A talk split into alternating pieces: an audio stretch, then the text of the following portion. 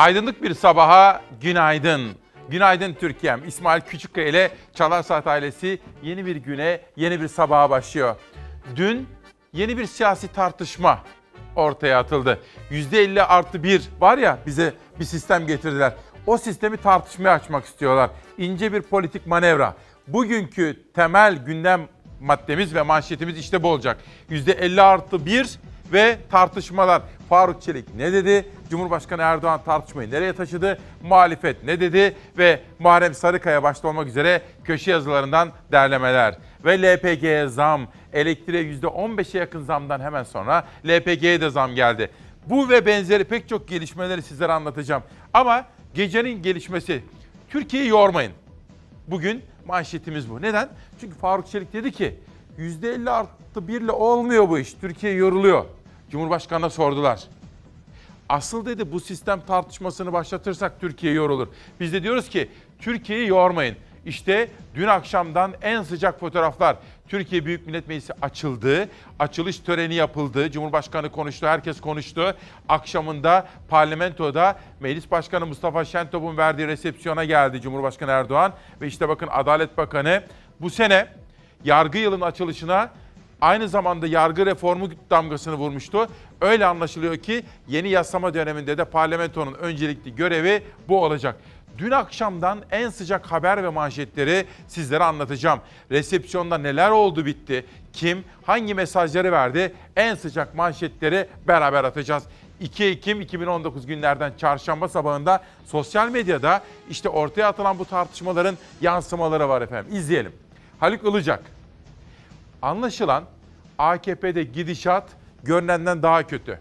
Belli ki %56 bir oyu alamayacaklarını görmüşler. Korku dağları sarmış. Türkiye Büyük Millet Meclisi'nin açılışından önce Faruk Çelik'e %40 artı bir oy önerisini söyletiyorlar. Cumhurbaşkanı da halka gitmeye gerek yok. Mecliste değerlendirilir diyor. Gerçekten de ben de böyle düşünüyorum. Çok incelikli bir hesap yapmışlar. Çünkü 56 birle seçim kazanmak çok güç artık. İttifakları devam ettirmek de kolay değil. Dolayısıyla yeni bir tartışma var. Bakalım başka hangi görüşler var? Bahadır Erdem, Profesör Bahadır Erdem diyor ki oh oh ne ala %50 artı 1'e millet iradesi millet iradesi diye övgüler düzülerek 100 yıllık parlamenter sistem değişsin, kuvvetler ayrılığı yerle bir olsun. Bu sistem harika olacak diye televizyonlarda masallar okunsun. Sonra sistem 50 artı 1'i kolayına vermeyince ilk turda %40'ı alan Cumhurbaşkanı olsun bravo diyor. Peki Cumhurbaşkanı Erdoğan'la Cumhurbaşkanlığı yarışında katılan Muharrem İnce neler söyledi? Hemen bakalım. Cumhurbaşkanı seçilebilmek için gereken %50 artı bir kuralını tartışmaya açarak meclise getirebiliriz demek. Bir daha oy oranına ulaşamam, oranı düşürelim, yeniden seçilebileyim demektir diyor efendim. Peki günün ve gecenin en sıcak manşetiyle İsmail Küçükkaya ile Demokrasi Meydanı başlasın. Kabine revizyonu yok. Şu anda böyle, Ucu açık kalıyor da o yüzden. böyle zaten. Siyasetçi ucu açık konuşuyor. Cumhurbaşkanı Erdoğan kabine revizyonu için şu anda öyle bir şey yok dedi ama kapıyı da tam kapatmadı. Cumhurbaşkanı Recep Tayyip Erdoğan Türkiye Büyük Millet Meclisi tören salonunda düzenlenen yasama yılı açılış resepsiyonunda gazetecilerin sorularını yanıtladı. Güvenli bölge konusunda daha önceki sözlerini yineledi. Bir gece ansın gelebiliriz. Erdoğan'a resepsiyonda AK Partili Faruk Çelik'in Cumhurbaşkanı seçiminde %50 artı 1, Türkiye'yi yorar, %40 olmalı sözleri soruldu. Erdoğan topu muhalefetin sahasına attı. Yani böyle bir şey olacaksa bu bizim değil. Adı üzerinde. Muhalefetin yapacağı bir iştir. Bizim işimiz değil. Bu iş parlamentonun işidir. Parlamentoda da bu işlerle ilgilenen kimdir? Muhalefettir. Muhalefet böyle bir teklifi getirir. Orada bu tartışılır. Cumhurbaşkanı değişiklik konusunda topu muhalefete attı ama sürekli gündeme gelmesini de eleştirdi. Çalışma yapılırsa değerlendiririz, tartışmaya açığız diye konuştu. Bunu sürekli olarak böyle ayağa düşürmenin doğru olduğuna inanmıyorum. Çünkü milletimiz de politikadan ciddiyet istiyor. Muhalefetten bugün konuşmamda söyledim ne gelirse gelsin. Biz hepsini değerlendirmeye, tartışmaya Açığız, hazırız. Kabine revizyonu konusunda ise şimdilik gündemimizde yok dedi Erdoğan. Ama ucunun açık kaldığını da kabul etti. Kabine revizyonu yok. Şu anda böyle vizyon.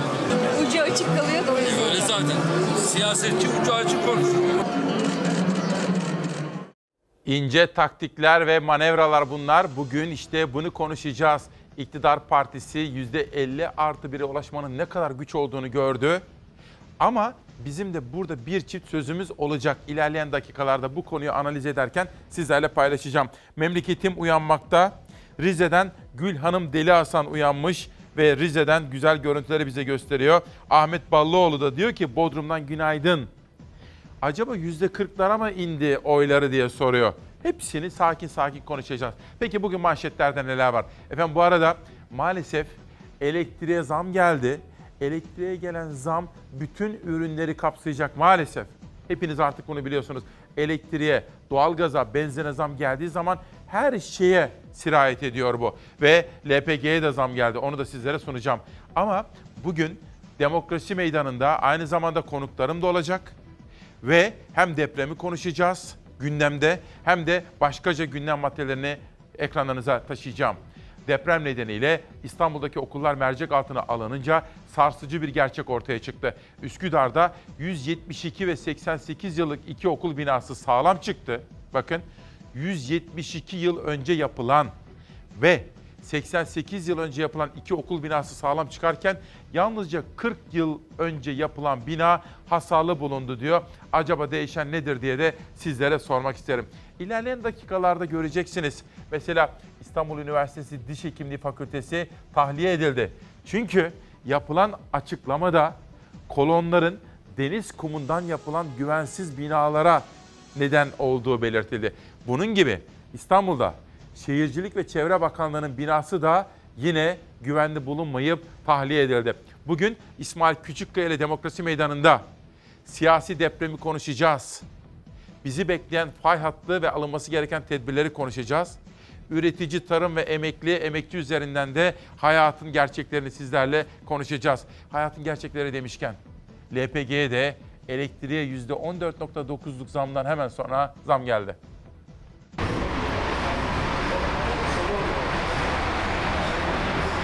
LPG'li araç sahiplerine kötü haber. Otogaz fiyatlarına 27 kuruş zam geldi. Tek seferde bu kadar yüksek bir zam haberi duyanları şaşırttı. LPG otogazın litre fiyatı bugünden itibaren geçerli olacak şekilde zamlandı. Otogaz fiyatları 3,5 lira sınırını geçti, 4 lira sınırına dayandı. Haberi Enerji Petrol Gaz İkmal İstasyonları İşveren Sendikası sosyal medya hesabından duyurdu. LPG fiyatları firmadan firmaya değişkenlik gösterebiliyor. İstanbul'da ve Ankara'da otogazın ortalama litre fiyatı 3 lira 45 kuruştu zamdan önce. Bugünden itibaren Türkiye'nin en büyük iki kenti İstanbul ve Ankara'da otogazın litre fiyatı ortalama 3 lira 72 kuruşa yükseldi. İzmirliler ise otogazın litresine ortalama 3 lira 39 kuruş ödüyordu. Zamdan sonra İzmir'de otogazın ortalama litre fiyatı 3 lira 66 kuruşa çıktı. Cumhurbaşkanı Erdoğan'ın sözleri üzerinden Türkiye'yi yormayın mesajıyla bugün Çalar Saat'in etiketini seçmiş olduk. Türkiye'yi yormayın diyoruz. Zam sağanağı ve ekonomiye dair haberleri sizlere bugün sıklıkla analiz edip vermek istiyorum efendim. İşte Sözcü. Hürriyetten sonra Sözcü'ye geçtim. Ampul zam saçıyor. İğneden ipliğe her şeyin fiyatı arttı, kriz derinleşiyor. Son yapılan %15'lik zamla elektriğe bir yılda %60 zam gelmiş oldu. Doğalgazda %60 arttı. Akaryakıda ise zam üstüne zam geliyor. Yandık. Yaşanan krize kulağını tıkayan iktidar milyonlarca işçi, memur ve emekliye kaşıkla maaş zammı verip kepçeyle geri alıyor. Vatandaşın dayanacak gücü kalmadı. Evdeki ampulü her açtığında ortalığa zam saçılıyor. Çünkü çünkü elektriğe %15 zam daha yapıldı. Son bir yıldaki zam %60'ı buldu. Elektriğe yapılan zam %60. Doğalgazda da durum aynı. Akaryakıt desen her gün artıyor. Çarşı pazarda yangın var. Vatandaş bu kışı da soğukta ve karanlıkta geçirecek diyor. Otogaz 27 kuruş daha zamlandı diye Sözcü gazetesinin birinci sayfasında işte böyle bir haber daha var efendim. Bugün eni konu ekonomiyi ve özellikle hayat pahalılığını bütün detaylarıyla konuşma imkanı bulacağız efendim. Hatırlar mısınız geçen hafta tam yayınımız sırasında sizi üzülerek bir son dakika gelişmesinden haberdar etmiştim. Adana'da bir terör eylemi vardı. İçişleri Bakanlığı açıkladı ki o terör eylemini gerçekleştiren hainler gereken cezayı aldılar. Pencereden içeri el yapımı patlayıcı atmak istediler. Evde büyük bir patlama yaşandı. Öte yandan geçtiğimiz hafta Adana'da gerçekleştirilen terörist saldırının faili hainlerin hücre evine baskın düzenlendi. Teröristler ölü ele geçirildi. Adana'nın Yüreğir ilçesinde polis servisinin geçişi sırasında saldırmıştı hainler. Geçtiğimiz hafta 25 Eylül'de gerçekleştirilen hain saldırıda 5 polisimiz hafif yaralanmıştı. Gece saatlerinde Eskişehir'de düzenlenen bir operasyonda o teröristler ele geçirildi. iyi bir istihbarat çalışmasıyla sağlandı. Arkadaşlarımızın eline sağlık. Teröristlerin hücre evine gerçekleştirilen operasyonda çatışma çıktı. Fırat Şeran ve Ozan Sökmen isimli iki MLKP'li terörist teslim olmadı, polise ateş açtı. Çıkan çatışmada öldürüldüler. Operasyonda iki özel harekat polis memuruysa yaralandı. Bir polis memurumuz parmağından yaralandı. Bir polis memurumuz da hafif boğazının yanından yaralandı. Ağır bir e, söz konusu değil. E, ikisi de ölü ele geçirdi. Adana'daki saldırının operasyonu Eskişehir'de gerçekleşti. Gece saatlerinde Adana'yı ısıtan olaysa Seyhan ilçesinde yaşandı. Bir evin penceresinden içeri el yapımı patlayıcı atmak istendi. Patlayıcı pencerede büyük bir gürültüyle infilak etti. Neyse ki kimseye bir şey olmadı. Atılan patlayıcı incelemeye alındı. Olayın terör bağlantısı olup olmadığı araştırılıyor. Terörle mücadele konusundaki haber ve manşetleri de sizlere aktaracağım. Bu arada her fırsatta ifade ettiğim gibi hastanelere, şu anda hastanelerde bizimle olan çok kıymetli Çalarsat ailesine veya hastaneden eve çıkan hastalarımıza geçmişler olsun diyeceğim. Onlardan biri Cerrahpaşa'da yatan çocuğumuz Onat Bilgin. Onat Bilgin'e ve ailesine de geçmişler olsun diyorum. Bir siyasiden bir mesaj geldi. Genel başkanlık yapmış bir isim Zeki Sezer. İsmail Bey günaydın. Bence AK Parti AK Parti'nin adayı yüzde kaç oy alırsa alsın o Cumhurbaşkanı seçilsin. Hatta ipuçları verilsin diye bir eleştiri yapıyor. Kinaya dolu bir eleştiri. Hani yüzde 56 bir yetmeyince yüzde 40 artı 1'e dönelim diyorlar ya. Zeki Sezer de diyorlar ki oldu diyor. Bir gün gazetesinin manşeti sonra sabaha geçeceğim. Kapalı ya da açık artık hiç fark etmiyor. Yetkileri alınmış mecliste 74 gün sonra ilk toplantı. Cumhurbaşkanlığı hükümet sistemine geçişle birlikte yetkileri elinden alınan Türkiye Büyük Millet Meclisi 10 ayda sadece 64 gün mesai yaptı. Erdoğan yasama yetkisini kararnamelerle tek başına kullandı. Hüseyin Şimşek dün parlamentonun açılışını izlemiş ve böyle bir haber analizi kaleme almış efendim. Bir günden bir haber daha gelsin. Birinci sayfasında acaba hangi detaylar bizi beklemekte? Çöküşün itirafı, Erdoğan'dan itiraf, başkanlık için %50 artı 1'e ihtiyaç olmayacak bir düzenlemeye yeşil ışık yakan Erdoğan önümüzdeki günleri tartışmasında başlatmış oldu. Eski Bakan Faruk Çelik'in başlattığı 50 artı 1 tartışmasına AKP'li Cumhurbaşkanı Erdoğan da katıldı. Fakat burada bir tahsiye hatası yapmışlar. Bu dağı ayrı yazıp apostrofu kaldırması gerekiyor Bir Gün Gazetesi'ndeki emektar arkadaşlarımın. Cumhurbaşkanı Erdoğan bir soru üzerine biz iktidar olarak kendimiz ön hazırlık yaparız ve meclise getirebiliriz yanıtı verdi. Daha sonra çark eden Erdoğan bu konuyu muhalefetin meclise getirebileceğini söyledi diyor. Gerçekten de bizi tuhaf bir sistemle baş başa bıraktılar ve şimdi buradan nasıl çıkacağız bunu arıyoruz. Ama böyle yalnızca kendilerinin kazanacağı bir formülle olmaz. Hep beraber bu sistemin tuhaflıklarını ortadan kaldıracak geniş kapsamlı bir revizyon olursa muhalefet acaba ne der? İşte bu soruları da sormamız gerekiyor. Bir günden bir haber daha gelsin sonra sabaha geçelim. AKP'li Şirin Ünal hala suskun. AKP İstanbul Milletvekili Şirin Ünal'ın Ankara'daki evinde intihar ettiği iddia edilen Özbek kardeşimiz Nadire Kadirova'nın ölümün üzerinden 8 gün geçti. Ünal suskunluğunu koruyor.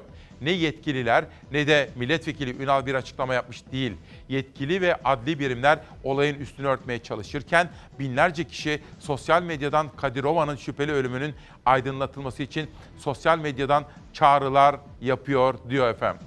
Bugün bu konuda da haberimiz var. O konuyu da sizlerin gündeminize getirmek istiyorum. Bunun dışında kadın cinayetlerine karşı adalet, adalet arayanların sesi olmayı sürdüreceğim. Ecem Balcı 17 yaşındaydı.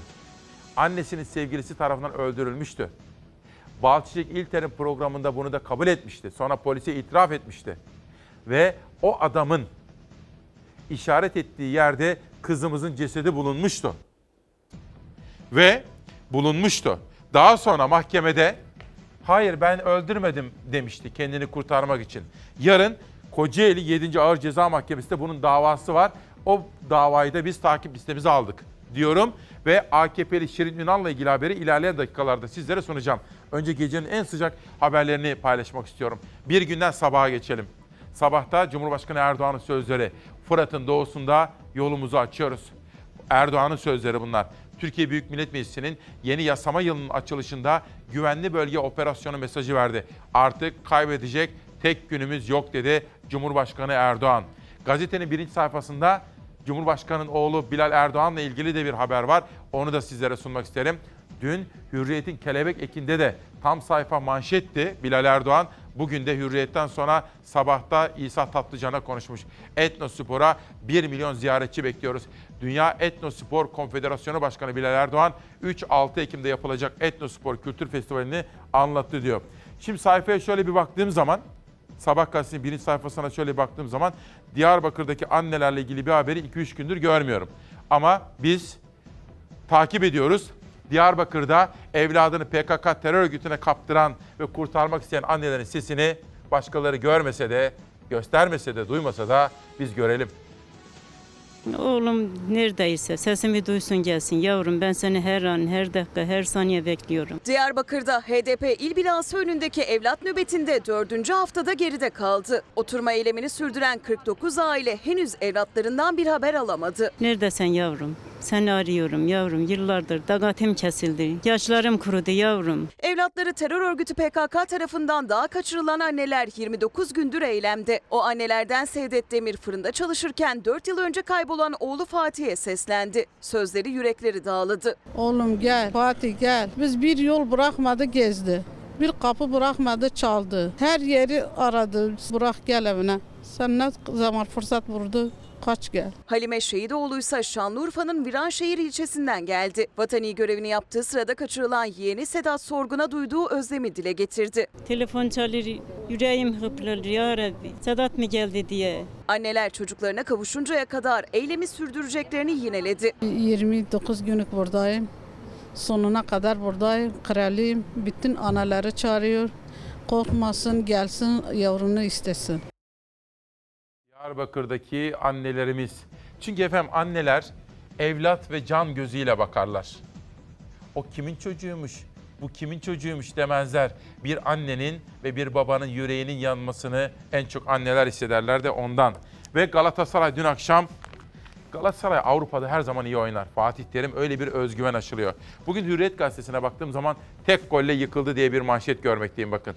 Şampiyonlar Ligi ikinci hafta maçında Galatasaray İstanbul'da ağırladığı Paris Saint Germain'e 1-0 mağlup oldu. Ama Fatih Terim'in aslanları iyi oynadılar. Özgüvenli oynadılar. Hatta iyi skorla ayrılabilirdi. Aynı olay Sabah gazetesinin birinci sayfasında da Aslan PSG'ye diş geçiremedi diyor. Ama iyi bir oyundu. Yani bazen kazanırsınız, bazen berabere kalırsınız, bazen kaybedersiniz. Önemli değil. Bazen şampiyon olursunuz, bazen final oynarsınız, bazen beşinci olursunuz. Hiç önemli değil. Ama önemli olan sahaya çıktığınız zaman kendinize, ülkenize, takımınıza, formanıza layık bir oyunu oynadınız mı, oynamadınız mı? Galatasaraylı futbolcuları kutluyorum. Günü kaybettik ama bugünü bence önümüzdeki günleri kazandık diye düşünüyorum. Galatasaray Şampiyonlar Ligi grup maçında dünya devi Paris Saint Germain'le karşı karşıya geldi. Sonuç istediğimiz gibi olmadı ama Cimbom oynadığı futbolla Türkiye'yi gururlandırdı. Kaybederken bile Galatasaraylıların gurur duyacağı bir takım istiyorum diye. Şampiyonlar Ligi'ndeki temsilcimiz Galatasaray evinde dünya yıldızı futbolcuların forma giydiği Paris Saint Germain'i konuk etti. Sarı Kırmızılı ekip maçın ilk dakikasından itibaren oyundan kopmadı, rakibine rahat futbol oynatmadı. Zaman zaman rakip kalede yoğun baskı kurdu. Son çevre, çeyreği saymazsak bugüne kadar oynadığımız en iyi oyun diyebilirim. İlk yarı 0-0 berabere bitti. İkinci yarıda ise Fransız temsilcisi Icardi ile golü buldu. Galatasaray karşısında 1-0 öne geçti. Skor çok değişik olabilirdi. Filmin bundan sonraki bölümünde az çok neler olabileceğini gösterdik diye düşünüyorum. Şampiyonlar Ligi temsilcimiz geriye düştükten sonra rakip takımın kalesine yüklendi. Skorda dengeyi aradı. Beklenen gol gelmedi ama Galatasaray'ın mücadelesi takdir topladı. Paris Saint Germain sağdan 1-0 galip ayrıldı. PSG'ye karşı verilen mücadelenin takdir edilmesi gerektiği inancındayım. Bugün bize kalan bu mücadelenin, bu oyunun oynanabiliyor olması. Bu bize ileride işimize yarayacak diye düşünüyorum. Maç sonunda konuşan teknik direktör Fatih Terim, bugün yenildik ama önümüzdeki günleri kazandık dedi. Ortaya konan oyun ilerisi için bize ışık verdi. Günü kaybettik ama bugünü bence önümüzdeki günleri kazandık diye düşünüyorum. İyi oyun olursa skor değişir ve sportif başarı gelir. Nisa Ece Yıldırım bugün doğum günü kutluyor efendim. Nisa Ece Yıldırım Mersin'den bir kızımız, bir çocuğumuz doğum günü kutluyor. Yılmaz Tosun, hani ben Galatasaray'ın oyunundan övgüyle bahsettim ya. İsmail Bey günaydın. Yine başladık, yenildik. Ezilmedik ama yenildik. Sahada Türkçe bilen bir adam yoktu. Keşke onu da ele alsaydık diyor. Ama Fatih Terim Türkçe konuşuyordu. Yılmaz Tosun kardeşime de bunu söyleyelim. Hürriyet Gazetesi'nde şu haberi bir kere daha sunmak istiyorum. Çünkü deprem ülkemizin gerçeği ve alınması gereken tedbirlerde bize, belediyelere ve merkezi iktidara düşen sorumluluk. 88 yaşında bir bina sağlam, 172 yaşında bir başka bina sağlam ama 30 yıl 40 yıl önce yapılan binalar çürük çıkıyor efendim. Burada bizim durup düşünmemiz, nerede hata yapıyoruz diye sorgulamamız gerekiyor. Biz takipçi olmuştuk. Muhabir arkadaşım Sevgi Şahin gitmişti. Bizler de hem ana haberimizde hem de çalar saatimizde sizlere o çocuklarımızın sesini duyurmuştuk. Çapa Diş Fakültesi binasında çatlaklar vardı ve tahliye edilmesine karar verildi. Dün sosyal medyada ve haber sitelerinde başka haberler de vardı. Şehircilik Bakanlığı'nın binası da yine depreme karşı dayanıklı olmadığı için tahliye edilen binalardan biriydi efendim. Bunları sizlere ilerleyen dakikalarda böyle peyderbey sakin sakin anlatma imkanı bulacağım. Ve okul hasar haberine geçiyoruz şimdi. Çocuklarımızın geleceği için lütfen dikkat edin. Ya yaklaşık e, 9-10 yıl falan oluyor. 2008 yılında yapıldı. Hasarlı mı şu an? Hasarlı. Yeni yapılanlar daha hasarlı çıkmış. Daha 10 yıllık okul binası ilk büyük sarsıntıda hasar gördü. İstanbul'da meydana gelen 5,8'lik deprem ihmalleri de gün yüzüne çıkardı. Üç kere güçlendirilmiş bir binadan sen ne bekliyorsun? Hasarlı okullardan İstiklal İlk ve Ortaokulu'nun bahçesinde iki ayrı bina var. O binalardan biri zaten 30 yıllık ama diğer bina 2008 yılında yapıldı ve onda da hasar var. Orayı yapan müteahhitler var. Ondan sonra ona e, müteahhite işi veren e, takipçiler var. Devletin kurumları var. Onların bakıp hesap sorması lazım. Okulun hasarlı olduğu bundan e, 3-4 yıl öncesinden tespit edilip verilerle toplanıyor burada. Ödenek olmadığı için e, okul yapılamıyor. Veliler sorumlulardan hesap sorulsun, öğrencilere yeni ve dayanıklı okullar yapılsın diye beklerken valilik o okulu hafif hasarlı olarak sınıflandırdı. Oysa 1999 depreminden sonra çıkarılan yönetmeliğe göre yapılması gerekiyordu. Sadece Sultan Gazi'deki bu okul değil deprem nedeniyle boşaltılan okulların birçoğu daha önce yıkılıp yeniden yapılan ya da güçlendirilen okullar. Yani yapanlar deprem yönetmeliğine uygun yapmadı. Denetlemesi gerekenler denetlemedi. Güçlendirme yaptılar. Ufak şiddetli bir depremde yani 5.8'lik bir depremde bu hale geldi. Şey deniyor e, ya doğal afet hani Allah tarafından geldi. E sen e, Allah tarafından geliyor evet ama bize de diyor ki sana diyor ki Allah şuraya bir beyin verdim. Sen onu çalıştır. Benim çocuğumu diri diri tabutun içinde ben bu okula gönderemem. Yıkım emri verilmiş bir okula çocuklarımız eee, ölsün diye mi göndereceğiz? Bazı, bangır bangır her yerde bağırılıyor. Deniliyor ki depremler değil binalar eee, insanları öldürür. Hasarlı okullardaki öğrenciler için yeni bir adres gösterildi ama bu sorunu çözmeye yetmedi. Üstelik ortaya yeni sorunlar çıktı. Örneğin bu okula ilkokul öğrencileri gelecek ama bir kilometre yol yürümek zorundalar. 5,5-6 yaş grubundaki çocuklar servis temin etmedi bize yetkililer. Hemen deprem oldu. Abi hasarlı binaları tespit edelim. E ne oldu? Çocuklarımız perişan oldu. Zamanında yapsalardı bunu ne öğrenciler çekerdi ne veliler çekerdi. Bunları bıraktım ya şimdi yetişemem bunun okuluna. Müdürle konuşuyoruz. Müdür diyor ki baba bunu götürsün, anne de bunu götürsün. Ama kim çalışacak evde? Depreme ilişkin haberlerimiz olacak efendim. Bu arada dün Turgut Kazan aradı. Duayen hukukçu. Dün Ayça Söylemez'in bir gündeki yazısı üzerinden adalet kavramını irdelemiş ve yargı reformuna bakmıştık. Turgut Kazan diyor ki senden sonra Ayça Söylemez'in yazısını da okudum. Gerçekten de haklı ve burada yargı reformunda reform anlamına gelecek bir şey yok ki diye soruyor. Turgut Kazan'ın zamanında baro başkanlığı yapmış bir duayen ismin sözleri ve yaklaşımı böyleydi. Ama ben bugün ve yarın bu konuyu gündeme taşıyacağım. Ne getiriyor ne götürüyor yargı reformunu gündeme taşıyacağız efendim. Ankara'nın belediye başkanı Mansur Yavaş. Doğrusu işe iyi başlayanlardan birisi o. Çok sessiz ve derinden işler yapıyor. Dün akşam da Habertürk'te Ciner grubunun televizyonunda Fatih Altaylı'nın sorularını yanıtladı.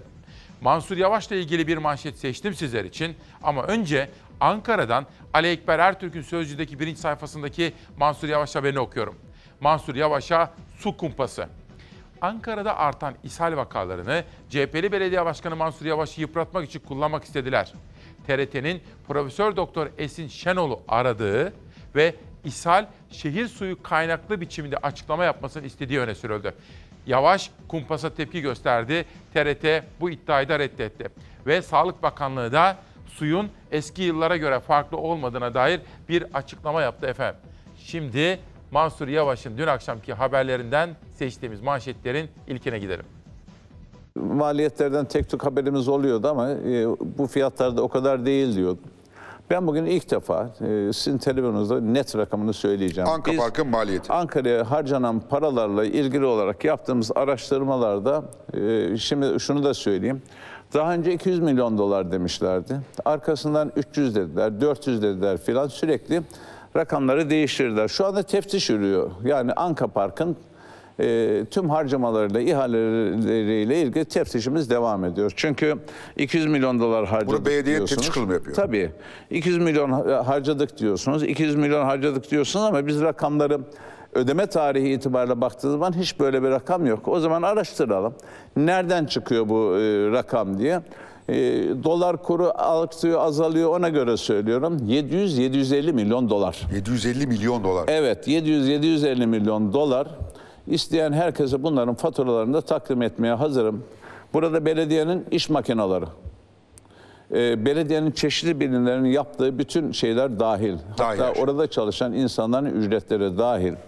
Oraya kim ne kadar emek vermiş bunların hepsini çıkarttık ve şu anda da teftişte. Yani bu belediyeye maliyeti. Belediye maliyeti 750 milyon, 700 750 milyon dolar arası. Böyle e, 50 milyon dolar az para değil ama kur farkından oynuyor. Yani hesabı çıkarttığımız tarihle bugün arasında dolar azalıyor, çoğalıyor. 700 750 milyon dolar maliyet var ve orası batıyor. Ben gelir gelmez bu bizim varlığımız diye baktım. Yani asla batsın gözüyle bakmadım. Çünkü bu para hepimizden, hepimizden çıktı. Su paralarından çıktı örneğin. Vatandaşı yapılacak evlerden çıktı. Ulaşım ucuzlatılabilirdi gibi. Dolayısıyla bizim bu varlığı korumamız lazım diye düşündük. Örneğin e, şu andaki işleticisi bizden otobüs istiyor. Aman diyorum verin.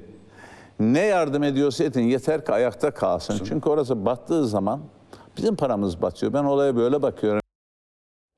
Şimdi dün Avrupa Birliği delegasyonu Büyükelçisiyle bir yemeğim vardı öğlen.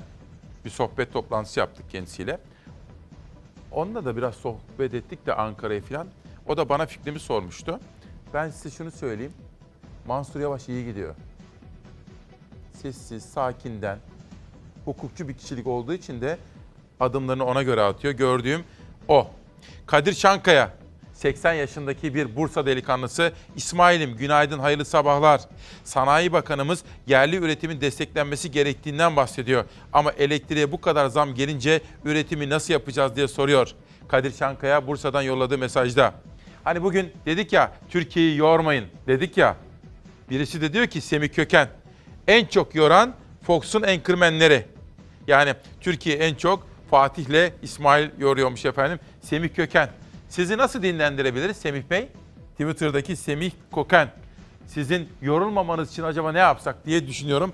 Öneriniz varsa bize yazın efendim. Fatih'e de ileteceğim. İsmail Küçükkaya'yı gördüğüm zaman ona da söyleyeceğim. Yeni Çağ. Zam sahneyi durmuyor. Evet Türkiye'yi gerçekten ben yoruyorum ve Fatih yoruyor çünkü bu zamları biz yapıyoruz. Semih Köken'e bunu hatırlatalım. Ekonomik paketin açıklanıp kriz endişesinin görülmediğine vurgu yapıldığı gün elektriğe yapılan ikinci yüzde 14.9'luk zam vatandaşın belini büktü diyor. Ve Yeni Çağ gazetesi başta doğalgaza, elektriğe, çay ve simide yapılan zamları değerlemiş. Ortalama %50'lik bir zammın hayat pahalılığını ne kadar da etkilediğinin analizlerini yapmış. Ve bu hayat pahalılığı dediğimiz canavarla mücadelede İstanbul'un ne kadar şanssız olduğunu İstanbul enflasyonda lider başlığıyla Yeni Çağ Gazetesi editörleri okullarıyla paylaşmışlar. Birinci sayfaya bir daha bir bakalım. Sırada istihdam raporu var. Disk Ar'ın yapmış olduğu araştırmada istihdama ilişkin hangi detaylar var onu da sizlere sunmanın zamanı geldi. Birinci sayfaya dönelim arkadaşlar. Yeni Çağ Gazetesi'ne bakıyorum. Murat Ağırel bugün Yeni Çağ'ın yazarı rekor kaçak geçiş, rekor gelir kaybı. Son zamanlarda özellikle Sayıştay raporlarını mesela bozuk aşı ithalatı skandalını ortaya çıkaran Murat Ağırel'le de konuştum. Önümüzdeki günlerde bir gün buraya Demokrasi Meydanı'na kendisini davet edeceğim. Yeni Çağ'dan Milli Gazete'ye geçiyorum. Enerjimiz tükendi diyor. Ama önce Disk'in yaptığı bir araştırma var. İstihdamda en son gelinen nokta yani işsizlikle mücadelede ne yapıyoruz? Hangi başarıları veya başarısızlıkları elde ediyoruz? Dikkatle izliyoruz. Kamuda çalışan her 10 işçiden 9'u erkek, sadece biri kadın. Öte yandan her 100 kişiden 85'i de özel sektörde çalışıyor. Yani çalışma hayatına katılan her 100 kişiden sadece 15'i kamu çalışanı. Kamu istihdamı raporu çarpıcı oranlar ortaya koyuyor. Disk Genel İş Sendikası düzenli olarak hazırladığı kamu istihdamı raporunu yine açıkladı. 2018 yılının kamu istihdamı raporunda en çok dikkat çeken sonuç kadınların azlığı ile ilgili. Kamuda çalışan her 10 işçiden 9'u erkek, yalnızca biri kadın. Yani kamu işçiliğinde kadın ve erkeğe sunulan fırsatlardaki eşitsizlik çok büyük. Tablo kadının istihdama genel katılımından bile daha vahim. Adeta kamu işçiliğinde kadına yer yok. Her 100 kişiden sadece 15'inin kamuda çalışıyor olması ise bir diğer ilginç başlık. OECD ülkeleriyle kıyaslandığında da Türkiye'de kamu istihdamı oldukça düşük. OECD üyesi ülkelerde kamu istihdamı oranı %18,1 iken bu oran ülkemizde sadece %12,4. Öte yandan belediyelerdeki temel istihdam biçimi de belediyeye bağlı şirket işçiliği şeklinde gerçekleşiyor. Yani çalışanlar ya sözleşmeli ya geçici ya ücretli ya da taşeron. Belediyelerde güvenceli sürekli işçilik günden güne azalıyor. Memleketin temel meselesi işsizlik. Ben bunu bilir, bunu söylerim. Esnaf kardeşim uyanmış. Batman'dan esnaf kardeşim hayırlı işler dileklerini kendisine aktaralım. Sağ ol, güzel mesajların geldi Batman'a sağ olsun. Erhan Er, bu ülkenin çocukları mağdur, bu ülkenin gençleri önünü göremiyor diye görüşlerini bizimle paylaşmış. Jeofizik mühendisleri de kendilerinin ön plana alınmasını, depreme hazırlık bağlamında kadrolarının verilmesi için bir kampanya düzenlediklerini belirtiyorlar. Milli Gazete'nin manşeti enerjimiz tükendi diyor. Otomatiğe bağlanan zamlarla halkın mücadele edecek takati kalmadı. Elektrik vatandaşı çarptı. Hazine ve Maliye Bakanı Berat Albayrak tahmini enflasyon rakamlarını %12'ye düşürdükten birkaç saat sonra elektrik fiyatları konut, sanayi ve ticarethanelerde %14.9 zamlandı. Toptan elektrikte ise fiyat %70 artışla 35 kuruşa çıktı diyor. Ve yine Yeni Çağ Gazetesi gibi Milli Gazete'nin editörleri de elektriğe gelen bir yıldaki zamın %60 olduğunu, doğalgaza bir yılda %52 zam geldiğini, akaryakıta bir yılda %30, gıdaya %50 zam yapıldığını, beyaz etin fiyatının son bir yılda %40 arttığını, çaya %30, süte %50 zam geldiğinin altını çiziyorlar. Peki emekli, emekçi, memur onların hayat refahları, gelirleri arttı mı diye bir soru da ortada duruyor. Bir manşet daha gelsin Milli Gazete'den sonra sizi bir habere götüreceğim. Strateji borçlanmak. Hazine ve Maliye Bakanlığı iç borçlanma stratejisi gereğince Ekim-Aralık döneminde 40.8 milyar liralık iç borç ödemesine karşılık 38.9 milyar liralık iç borçlanmaya gidecek diyor efendim. Dün sizlere söylemiştik. Çalar Saat'te de manşet yapmıştık. Yeni yasama dönemi açıldı. Meclisin önünde yargı reformu var. İnfaz sistemindeki indirim. Af diye de tabir ediliyor. Peyder Bey bazı paketler meclise gelecek. AK Parti'nin parlamentodaki etkin ismi Bülent Turan bu konuda bakın hangi açıklama yaptı. Biliyorsunuz CHP'ye, MHP'ye, İyi Parti'ye götürmüştük. Ama ilk defa size söylüyorum. Biz diğer partilere de yani meclis dışında olan partilere de bunları götürdük. İşçi Partisi'ne götürdük biliyor musunuz? Büyük Birlik Partisi'ne götürdük biliyor musunuz? Saadet Partisi'ne götürdük biliyor musunuz? Yani tüm bu paketleri götürüp... Ne zaman oldu efendim? Dün temaslar? götürdük. Dün. Dün tüm bu dediğim diğer Demokrat Parti'ye götürdük. Genel başkanlarla görüştüm. Siz mi görüştünüz? Ben görüştüm Demokrat Parti ile, İşçi Partisi ile, Saadet Partisi'nin başkan yardımcısıyla, e, Büyük Birlik Partisi Genel Başkanı'yla tüm sayın başkanlarla görüşüp teklifimizi onlara iletip şu an komisyon aşamasında 3-5 gün sürecek biliyorsunuz. Eğer varsa somut önerileriniz bunları değerlendirelim istedik.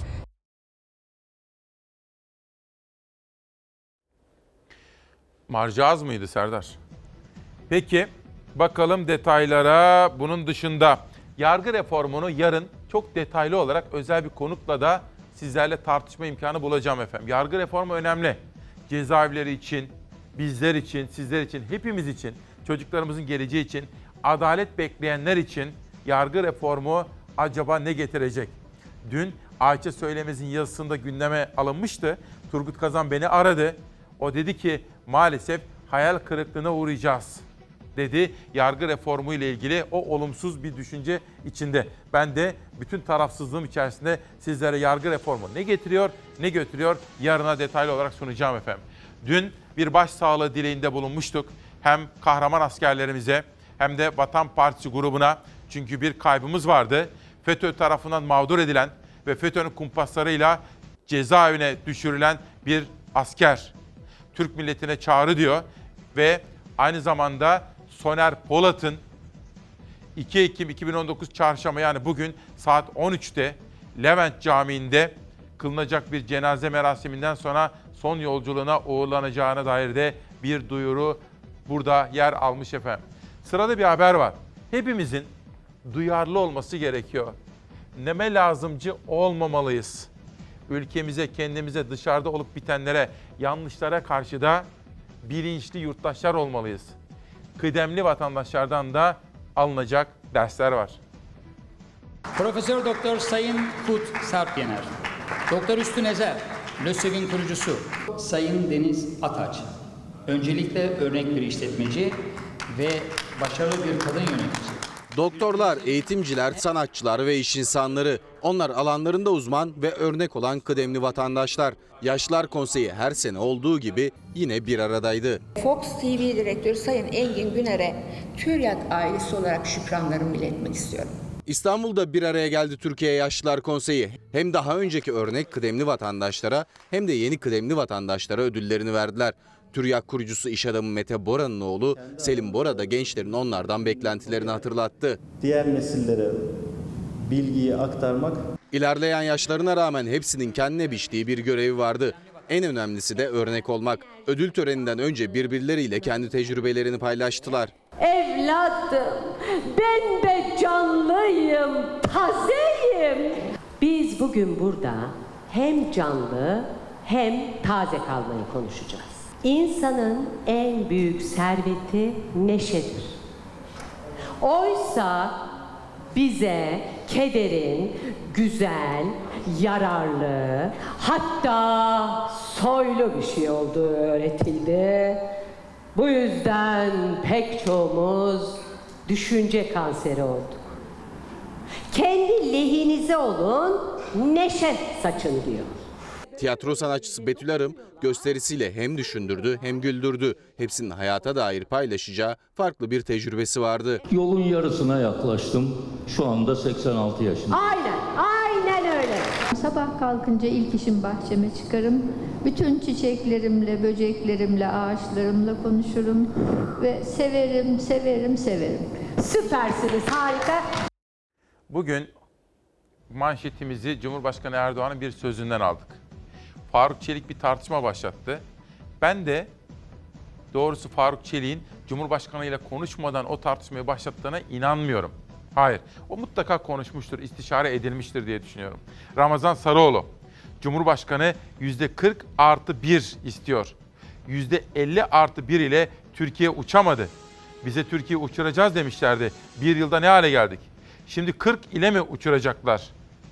Ramazan Sarıoğlu Twitter'da böyle bir görüşünü bizlerle paylaşmış. Efendim çünkü %50 artı 1'e ulaşmak kolay değil. Ama geçmişte de iktidarlar ne zaman ki zayıflar, ne zaman ki önündeki anketler kötü sinyaller vermeye başlarlar. Ta rahmetli Özal da bunu yaptı. Bütün başbakanlar bunu denediler. Seçim sistemleriyle oynarlar vesaire vesaire. Ama bu yanlıştır. Önemli olan halkın derdiyle dertlenmek, halkın gerçek ihtiyacını karşılamaya çalışmaktır. Hayatın gerçek sorunu şu, enflasyon ve işsizlik. Çıkın şimdi, bütün esnaf kardeşimi ziyaret edin, konuşun bakalım. Ben esnaf kardeşimle hangi ilimize gidersek gidelim konuşuyorum. Şöyle bakkallar, lokantalar, küçük ve orta boy işletmeler, hatta büyük iş adamları. Bir meslektaşımdan gelen bir kitap, İbrahim Sadri, bir şiir üstadı. O da ve Aşk isimli kitabını imzalamış, bana yollamış. İbrahim Sadri'ye de buradan selamlarımı söylemek istiyorum. Halime Özoğlu Temel Güzel Düşünceler Yeşert diyen kitabını da bana imzalayarak yollamış. Bizim gerek akşam ana haberimizde, gerekse de İsmail Küçükkaya ile Çalar Saatimizde ısrarla takip ettiğimiz konular vardır efendim. Bunlardan bir tanesi bir Özbek kızımızın Ankara'da birinin evinde kim olursa olsun hayatına veda ediyor ise onu araştırmamız gerekiyor. Çünkü adalet borçluyuz insanlara.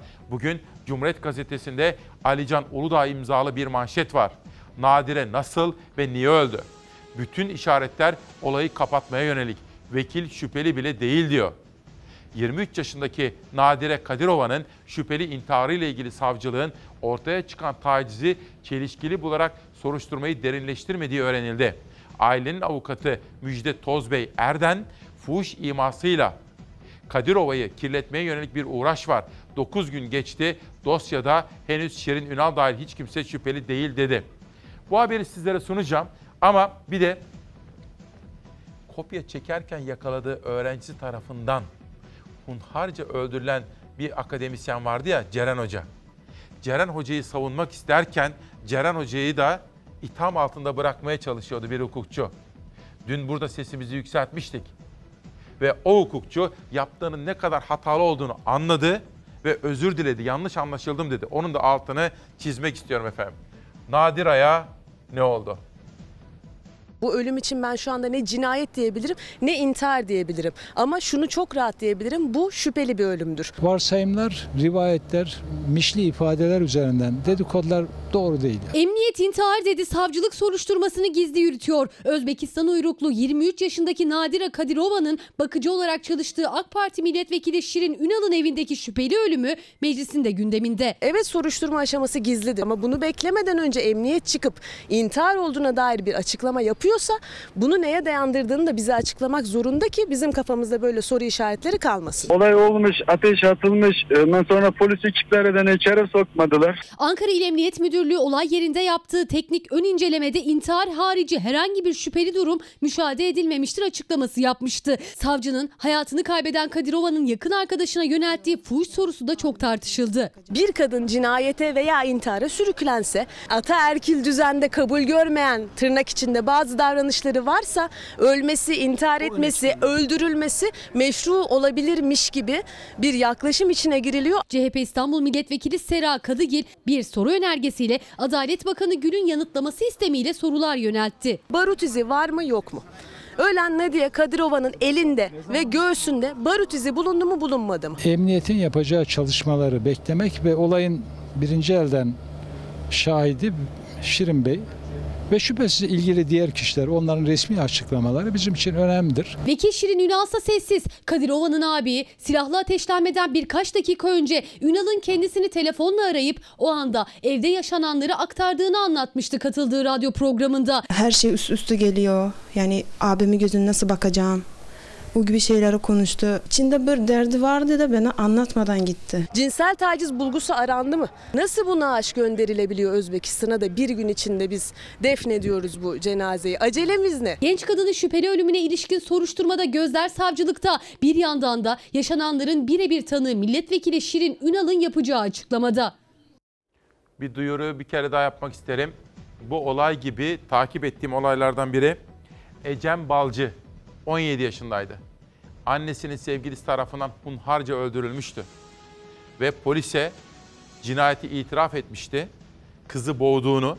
Hatta bu adamın söylediği yerde kızımızın cesedi bulunmuştu. Bakın.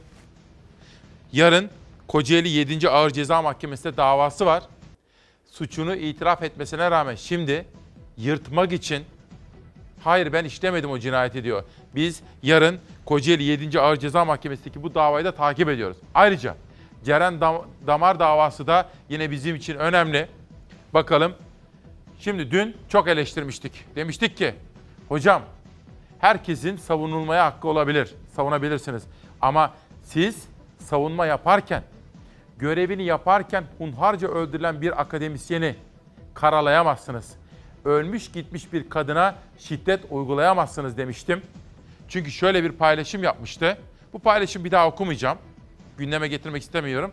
Ama belli ki hani demiştim ya annenizle konuşun, eşinizle konuşun, kızınızla, kız kardeşinizle, sevgilinizle kim varsa bir kadınla hayatınızda belli ki söylediklerinden rahatsızlık duydu, pişman oldu. Ve bugün olsa o tweetleri yazmazdım diyor. Yani Ceren Damar'ı, hocamızı öldüren o katil zanlısını savunurken bir ölmüş gitmiş kadına şiddet uyguladığı için pişman olmuş. Ceren Damar Şener'in katili Hasan İsmail Hikmet'in avukatı Vahit Bıçak yanlış anlaşıldım. Yaşam hakkı kutsaldır. Cinayet elin bir olay. O tweetler baktığım davayla ilgili değildi. Ama bugün olsa daha incelikli düşünür. O tweetleri atmazdım. Arada bağlantı kurulurdu diyerek öz eleştiri yaptı. Yanlıştan döndü. Onun da altını çizmiş olalım efendim. Nereye gidiyoruz? Sevgi Şahin, kameraman arkadaşımla birlikte Çapa Diş Fakültesi'nde okuyan Diş Hekimliği Fakültesi öğrencilerimizin yanına gitmişti. Orada dekan görüntü alınmasına karşı çıkmıştı. Fakat biz gerek akşam gerek sabah bültenlerimizde çocuklarımızın can ve mal güvenliğinin her şeyden önemli olduğunu altını çizmiştik. Ve dün valilik bir açıklama yaptı. Bakınız İstanbul Valiliği mail attı. Sevgi Şahin haberi takip ediyordu. İstanbul Üniversitesi Diş Hekimliği Fakültesi binalarının hasarlı olduğunu ve tahliye edileceğini söyledi. Hani sağlamdı Dekan Gülsumak? Siz sıkıntı yok dediniz, öğrencileri içeri çağırdınız. Hatta çekim yapmamızı istemediniz dedi. Oysa valilik doğru bir karara imza attı ve tahliye kararı verdi. Buradan Çalarsat gazetesine geçiyorum. Çalarsat gazetesinde işte biz bu sabah bu olayı ama tek başına bu olayı değil ikileyerek bir manşete seçtik.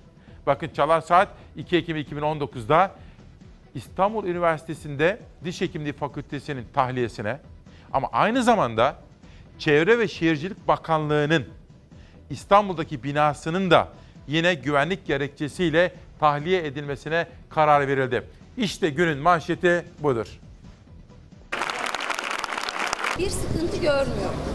Eğitim öğretim devam edecek. İstanbul Üniversitesi Diş Hekimliği Fakültesindeki binalar depremde zarar gördü. Öğrenciler can güvenlikleri endişesiyle eylem yaptı. Fakülte dekanı büyük çatlaklara rağmen sıkıntı görmediğini söyledi. İstanbul Valiliği ise öğrencilerin endişesinin haklı olduğunu ortaya çıkardı. Fakültenin tahliyesine karar verdi. 26 Eylül Perşembe günü 5,8 şiddetindeki depremle sarsıldı İstanbul. Depremde mega kentteki bazı binalarda hasar oluştu.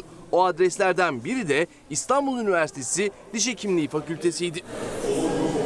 Depremde Diş Hekimliği Fakültesine ait binalarda büyük çatlaklar oluştu. Öğrencilerin ve hastaların can güvenliği tehlikeye girdi. Binalarda oluşan hasar sonrası öğrenciler ve asistanlar eylem başlattı. Endişeli olduklarını, binanın tahliye edilmesi gerektiğini söylediler. Öğrencilerin davetiyle fakülteye giden Fox Haber ise önce güvenlik sonra da fakülte dekanı tarafından engellendi. Basın açıklamasına çağrıldı. Hayır, bu Hayır, basın hayır, öyle bir açıklaması şey yok. ben davet etmedim sizi. Bir sıkıntı görmüyorum. Eğitim öğretim devam edecek. Öğrencilerin tepkisi üzerine İstanbul Valiliği fakülteye ait binalarda ön hasar tespiti yaptı ve valiliğin yaptığı inceleme sonucunda binalarda yapısal hasar oluştuğu saptandı. Öğrencilerin endişelerinde haklı olduğu anlaşıldı. Can güvenliğimiz sağlanana kadar bu binaya girmeyi hiçbirimiz düşünmüyoruz. Valilik fakültenin tahliyesine karar verdi. Dün Diş Hekimliği Fakültesine ait 7 bina boşaltıldı. Öğrenciler, akademisyenler ve personel kişisel eşyalarını alarak binayı terk etti. Valilik doğru olanı yaptı efendim. Nurten Çakıcı Bıçak diyor ki İsmail Bey günaydın. Bir emeklinin, lütfen canlandırın. Bir emeklisiniz. Yaşınız gelmiş 60'a. Ömrünüzün en güzel bağrı artık. Yıllarca hizmet ettiniz. Bir emeklinin maaşının yarısı elektriğe, suya, faturalara gidiyor. Daha kirası yok. Nerede bunu yemesi, içmesi, çoluğuna, çocuğuna, torununa armağan alması. Devam da ediyor Nurten Çakıcı Bıçak. Böyle bir görüşlerini bize anlatmış.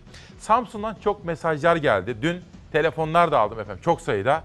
Ve onlar oradaki çevre dostları dün itibariyle 14 bini aştı toplanmışlar. Ben de kendileriyle konuştum. Çarşambaya yapılacak bir santralle ilgili kaygıları var. Seslerini duyurmamı istiyorlar. Ben de arkadaşlarımla rica ettim. Samsunlu'nun sesini duyacağız ve duyuracağız. Biraz sonra onun da haberini vereceğim. Ayşe ne diyor ki Ayşe. Çok teşekkür ediyorum. Ayşe de diyor ki ne güzel sesimizi duyuruyorsunuz diyor. Sigarayı da bırakmış haberini bize veriyor. Ona da çok teşekkür ediyorum. Bu arada bizim çok kıymetli bir şairimiz vardı Adnan Azar. Her yıl size ondan şiirler de okuyorum. Onun kızı Hazal Azar'la da tanıştım geçenlerde Ankara'ya gittiğimde. O da sigarayı bıraktığını söylemişti bana. Böyle herhalde yaklaşık bir ay falan oldu ya da en az 22-23 gün oldu. Ve Ayşin'e de Hazal Azar'a da sigarayı bıraktıkları için teşekkürlerimi gönderiyorum. Cumhuriyet Gazetesi'nden bir haber daha. İktidar Hava Yolları. İmamoğlu seçildi. Bir dakika. İşte bu önemli bakın.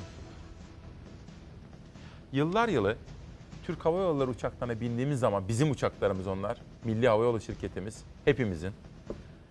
Hamidiye suları, suları veriyorlardı bize. Hamidiye de belediyenin. Belediye AK Parti'nin elindeydi ya. Ama hepsi sonuçta devletin. Peki siz yıllar yılı Türk Hava Yolları'nda Hamidiye suları, suları verirken şimdi neden Fransızlara döndünüz? Böyle bir şey olur mu? Bakın bu yazıktır. Bu günahtır. Bu akla, vicdana, ekonomik rasyonaliteye, mantığa uymaz. Bu partizanlıktır bakın. Açık söyleyeyim. Böyle bir şey olabilir mi? Kadir Topbaşlar gitti, Mevlüt Uysallar gitti, AK Parti belediyeden gidince e ne oldu? Ekrem İmamoğlu geldi diye Hamidiye suları, suları gitti, Fransız suları geldi. Olmaz. Bu bakın açık söylüyorum kızmasınlar bana AK Parti'ye gönül veren dostlarım da kızmasın. Bu yanlıştır, partizanlıktır bu. İktidar hava yolları demiş Cumhuriyet. %50.88'i halka açık olan ve %49.12'si varlık fonunda bulunan Türk Hava Yolları yönetimi kurumu AKP'nin uzantısına çevirdi. THY'nin yer hizmetleri veren şirketi TGS, İstanbul Büyükşehir Belediyesi'nin iştiraki olan Hamidiye'ye AŞ ile arasındaki su anlaşmasını bitirdi. TGS başka bir su alacakmış.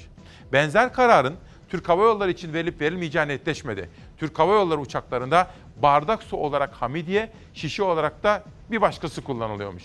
TY yönetimi uçaklarda gazete ayrımcılığı da yapıyor. İktidara yakın gazeteler dağıtılırken Cumhuriyet, Bir Gün, Sözcü, Evrensel ve Yeni Çağ gibi gazetelere engel çıkarılıyor. Bakın bu olmaz. Türk Hava Yolları bizim göz bebeğimiz.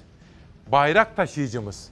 O şanlı bayrağımızı dünyanın en uç noktalarına taşıyor ve biz bununla gurur duyuyoruz. Ama biz de orayı yönetenlerden partizanlık yapmamalarını bekliyoruz. Bu da bizim en doğal hakkımızdır diyorum efendim. Bir manşet daha sonra habere gideceğim. Bu arada bir gazeteci dostumuz, konuğum Demokrasi Meydanı'na geldi. Biraz sonra huzurlarınıza getireceğim. Tamamlayıcı emeklilik kılıfı. Yeni ekonomi programı açıklandı ya. Bunun hedefinin kıdem tazminatı olduğunu yazıyor Cumhuriyet'te Mustafa Çakır. Hükümet özel sektöre kaynak yaratmak için kıdem tazminatını tamamlayıcı emeklilik sistemine katmaya hazırlanıyor. Yeni ekonomi programında kıdem tazminatı denilmese de tazminatın fona dönüştürülerek bireysel emeklilik sistemiyle birleştirilmesi hedefleniyor. Ama bunu yapamazlar ben size söyleyeyim. Çünkü bütün Türk İş'te dahil, disk dahil herkes buna karşı çıkıyor. Çünkü kıdem tazminatı biz çalışanların kara gün için biriktirdiği bir paradır efendim. Ona dokunmayın. Bakın geçenlerde açıkladılar. Farklı yerlerde toplanan paraları kamu bankalarında harcamışlar. Şurada burada harcamışlar. Yani amacının dışında paralar harcanıyor. İşsizlik fonundaki paralar mesela. Kıdem tazminat. Bakın ben burada çalışıyorum ya. E, yarın bir gün işsiz kalabilirim. Hepimizin başına gelebilir.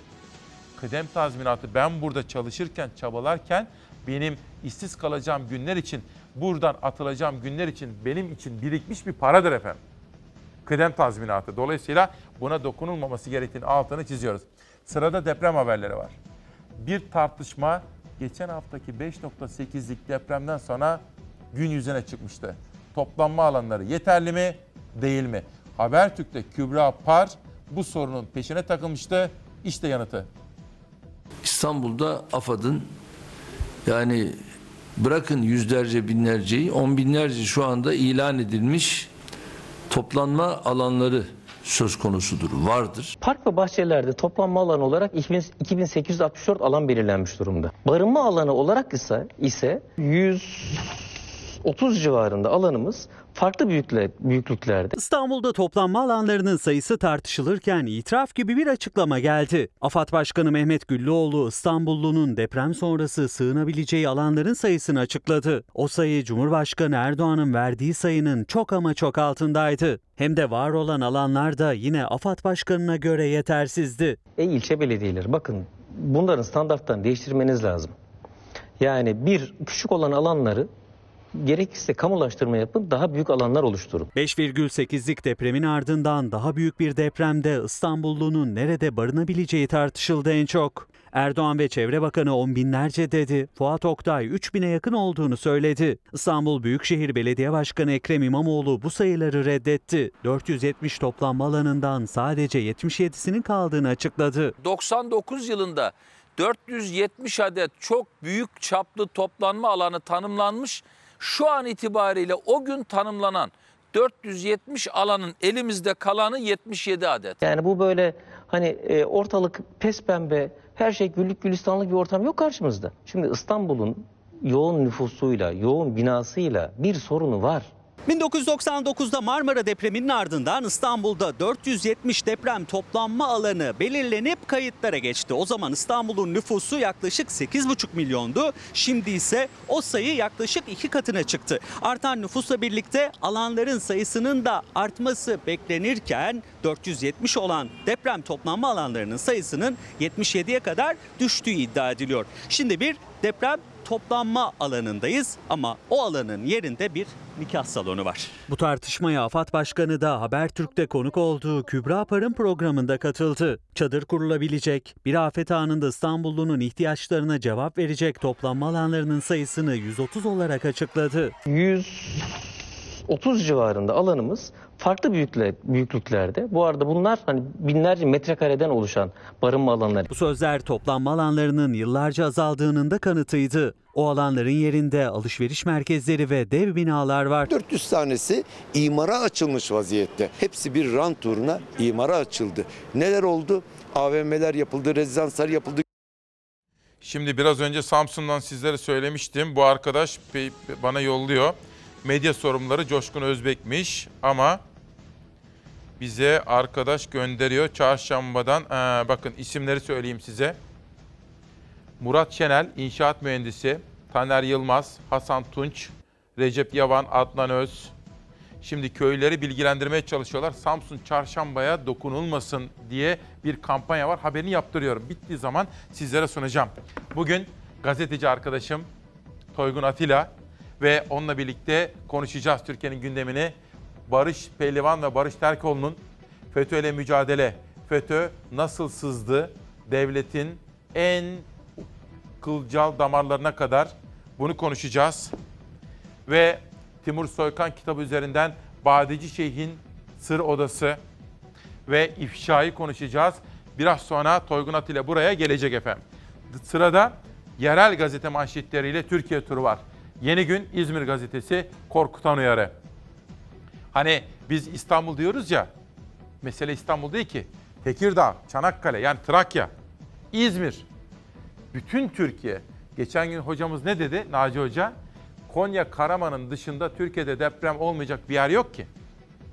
Bakın İzmir'i unutmayın. İzmir depreme hazırlıklı değil diyen İzmir Jeoloji Mühendisleri Odası Başkanı Alim Muratan'dan korkutan açıklama. İzmir'de 7.0'lık deprem oluşturabilecek 13 ayrı fay hattı var diyor.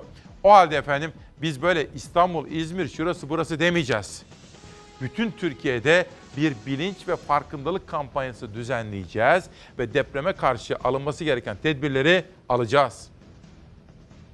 Bir kenti dep- depreme hazırlayabilmek için onun bütün bileşenlerini deprem güvenli hale getireceksiniz. Bu bileşenler nedir? Yönetim. Önce yönetim afeti, riski yönetebilecek bilgiye, donanıma sahip olacak. Bakın İstanbul'da altyapı denildiği zaman yollar var, viyadükler var, tüneller var, köprüler var, e, atık, su, atık su şebekeleri var, hastaneler var, barajlar Okullar. var. E, yani ne bileyim ben e, e, şey e, kanalizasyon şebekeleri var. Var da var. Şimdi düşünün Allah aşkına bu deprem sırasında Ömerli Barajı devreden çıksa ne yaparız? Depremin beceremediği zayiatı salgın hastalık ve susuzluk bize ödetir. Deprem en büyük çevre felaketidir. Bir deprem çevreyi alabildiğince tahrip eder. Milyonlarca ton e, moloz ortaya çıkacaktır. Bu moloz evsel atık, inşaat atıkları, demir, okside olmuş demirler ve daha sayamayacağımız bir sürü endüstriyel atıklar. Yani e, bu çok önemli. Bunlar havaya, suya, yere, yer altına, denize, göle kavuşacak. Besin zinciri vasıtasıyla yine gelip bizi vuracak. Halk Aynen Çernobil için- gibi. Şimdi deprem önemli olaylardan biri. Fakat bugün günü beraber kapsamamız gerekiyor. Ne olup bittiğini anlamamız gerekiyor. Dün Faruk Çelik ve akabinde Cumhurbaşkanı söylediği bir sistem tartışması var. Onu yorumlamak istiyorum doğrusu. Ben de kaynaklarımı aradım. Ne oluyor, ne bitiyor falan diye sizlerle paylaşacağım. Ama önce şu Anadolu Gazetesi'ne bir gidelim. Ankara'dayız. Belediyeler sıkıntıda. Büyük Birlik Partisi lideri Destici'yi ziyaret eden Başkan Yaşar diyor ki bütün belediyeler sorunlu, mali tabloları kötü. Yeni Mahalle Belediye Başkanı Fethi Yaşar ile BBP lideri Destici arasındaki görüşme Ankara Gazetesi'nde birinci sayfada. Geçelim bir başka gazeteye. Bu kez Çukurova Metropol. Ceyhan Belediye Başkanı Kadir Aydar, israfa son vermek ve kurumda tasarruf sağlamak amacıyla önceki dönemlerde kiralanan araçları iptal etti ve hurdalığa atılan araçları bir aylık kira bedeli karşılığında tamir ettirdi, tekrar hizmete kazandırdı. Yaptığı açıklamada da en önemli amacımız ve önceliğimiz israfı önlemektir dedi. Bu sene 31 Mart'ta seçilen veya İstanbul'daki gibi tekrar seçimde seçilen belediye başkanlarının öncelikli görevi israf ve savurganlığı bitirmektir diyorum. Geçelim Karadeniz'e. Ordu olay. Samsun Sarp Demiryolu. Türkiye Odalar ve Borsalar Birliği Başkanı Rıfat Hisarcıklıoğlu, Doğu Karadeniz'in en büyük sorununu dile getirdi ve Samsun Sarp Demiryolu dedi. Aklın yolu birdir diyorum. Bakın burada Ordu, Giresun, Trabzon, Rize, Artvin. O uçtan uca burayı kapsayacak ve ulaşımı sağlayacak bir çalışmadan bahsediliyor. Karadeniz'den Akdeniz'e geçiyorum. Olaydan İmece'ye bakıyorum. Akkuyu'da aşırı sıcak gerginliği. Bu arada bir dakika. Yerel gazetelerin ne kadar önemli olduğunu görüyor musunuz efendim? Nasıl da çarpıcı manşetler, halkın gerçek sorununu gündeme taşıyan haberler var. İyi ki buna başladık. İyi ki sizlerle birlikte yerel gazeteler aktarıyorum. Buradan bir kere daha tekrar etmek isterim. Savaş Yıldız kardeşimle birlikte seçiyoruz. İlinizin yerel gazetelerini bize gönderiniz. Böylece ilinizin ve halkımızın sesini duyurmaya gayret ederiz diyorum. Akkuyu'da aşırı sıcak tedirginliği. Nükleer santral Doğu Akdeniz'i 2 derece ısıtacak. Avrupa'da aşırı sıcaklardan dolayı bazı nükleer santrallerin çalışması bir süreliğine durduruldu. Mersin'de de yaşanan sıcaklıklara dikkat çeken Mersin Çevre ve Doğa Derneği Başkanı Sabahat Aslan ve CHP Mersin Milletvekili Alpay Antmen, Mersin'in kalbindeki nükleer tehlikeye vurgu yaptı diyor. Bu arada hani bizler sosyal sorumluluk projelerine destek vereceğiz dedik ya. Ben bu sene 3 Kasım'da Avrasya Maratonu'nda Çağdaş Yaşamı Destekleme Derneği için koşacağım. Hem onların tanıtımına katkıda bulunmak istiyorum hem de farkındalık geliştirerek çağdaş yaşamı desteklemek istiyorum. İlerleyen zamanlarda farklı anonslarla sizleri bilgilendireceğim efendim. Bu arada Avrupa Birliği Türkiye Delegasyonu Başkanı Christian Berger bugün sahilleri temizliyoruz diyerek bir kampanyayı da başlatıyor. Dün kendisiyle öğlen yemeğinde buluşmuştum. Türkiye'deki çevre duyarlılığını artırmak için böyle bir çalışma gerçekleştiriyorlar. Ve ben de efendim bakın bunu da duyuralım şimdiden. 41. İstanbul Maratonu ve kaydımızı yaptırdık. Çağdaş yaşam için hep beraber koşacağız. Bugünün siyasi tartışması. Şimdi şöyle oturun. Oturun efendim. 5 dakikanızı alacağım. Belki de 4 dakika. Ne olup bittiğini siyaseten anlamak ve yorumlamak gerekiyor. Bir manşet, hazırladığımız bir haber. Sonra ben de bunu nasıl görüyorum yorumlayacağım size. %40 artı 1 meclisin işi. Bakın neydi bu? %50 artı 1'di değil mi? Hükümet bize ne dedi? Türkiye'yi uçuracağız. Verin şu kardeşinize %50 artı 1'i ve %56 %50 artı 1 şimdi acaba tıkandı mı? Buyurun size nur topu gibi bir %40 artı 1 tartışması. Bu 50 artı 1 Tayyip Bey'in şu anda herhalde en büyük dertlerinden birisidir. İlk turda %40 ve üzeri oy alan seçilsin. %50 artı 1 formülü Türkiye'yi yorar. Anayasa değişikliği gerektiriyor. İktidarıyla, muhalefetiyle el ele vermek ve ondan sonra da böyle bir şey hakikaten gerçekleştirilebilirse bu olabilir. Cumhurbaşkanı seçilebilmek için gerekli oy oranı %50 artı 1'den %40 artı 1'e mi inecek? Öneri AK Partili eski bakan Faruk Çelik'ten geldi. Cumhurbaşkanı Erdoğan yeşil ışık yaktı. Muhalefet ise tepkili. Bir itiraf var ortada. Ne demek yüzde 40'a indirilsin? AKP artı MHP yüzde 50'nin üzerindeydik. Geriledik, geriledik. İktidar olarak kendimiz ön hazırlık yaparız. Ön hazırlığımızı buraya getirebiliriz. Önümüzdeki 23 seçimlerinde 50 artı 1'i Cumhur İttifakı'nın karşılayabilmesi pek mümkün görünmüyor. Cumhurbaşkanlığı hükümet sistemiyle %50 artı bir şartı getirildi. Yani Cumhurbaşkanını seçebilmek için oyların yarısından bir fazlasını almak gerekiyor. Muhalefetin sisteme dönük eleştirisi sürerken AK Parti cephesinden çok çarpıcı bir çıkış geldi. AK Parti hükümetlerinde Çalışma ve Tarım Bakanlığı yapan Faruk Çelik %40 artı bir formülünü dillendirdi. Siyaset o tartışmaya kilitlendi. İlk turda %40 ve üzeri oy alan seçilsin. 40'ı 35'e, 30'a çekerlerse de şaşırmam. Ama korkunun ecele faydası yok. Doğrusu parlamenter sistemdir. %50 artı 1 formülü Türkiye'yi yorar. Meclise getirsinler, mecliste görüşülsün. Türkiye milletiyle, devletiyle bir deneme tahtası değil. Türkiye'de bir tek şeyi tartışmaya hazırız.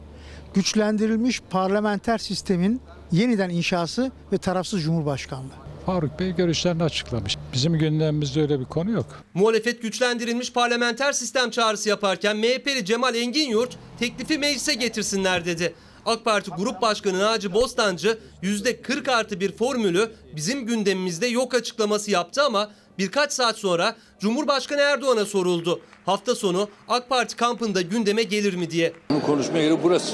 Çünkü anayasa değişikliği gerektiriyor. İktidar olarak kendimiz ön hazırlık yaparız. Buraya getirebiliriz. Onun için de tabii iktidarıyla, muhalefetiyle el ele vermek ve ondan sonra da böyle bir şey hakikaten gerçekleştirilebilirse bu olabilir. Cumhurbaşkanı seçilme barajının %50 artı birinin altına çekilebileceğine ilişkin çalışmayı meclise getirebiliriz dedi. Muhalefetin de desteğiyle düzenleme yapılabileceğini söyledi. %40 artı bir düzenlemesinin referanduma sunulamayacağını belirtti. Bir yıl önce milletin onay verdiği yeni yönetim sistemini tekrar gündeme getirmek asıl milleti o yorar. O nerede konuşulacak? Burada. Bunu biraz konuşalım. Bize ne dediler efendim bir yıl önce? Verin şu kardeşinize yüzde 50 artı biri Türkiye uçsun. Görün bakalım dedi değil mi? Öyle dediler. Aradan geçen zamanda ne yaşadığımızı sizlerin, Yüce Türk milletinin hepinizin takdirine bırakıyorum. Bir. iki. Uçacak Türkiye dediler. Uçtuk mu efendim? Peki yüzde 50 artı bir iyi bir sistem mi? bize ne kadar övdüler. Biz o zaman dedik ki halkımızı uyarırken bakın bu sistemin içinde partili cumhurbaşkanlığı sistemi var. Bunu bu yadırgıyoruz dedik. Bize kızdılar ama biz haklıydık efendim. Biz doğru gördüğümüzü halkımızın hissiyatını yansıtmıştık. E peki o zaman övgüler, düzenler, manşetler, televizyonlar, demeçler ne oldu? Nereye gitti? Bir yılda.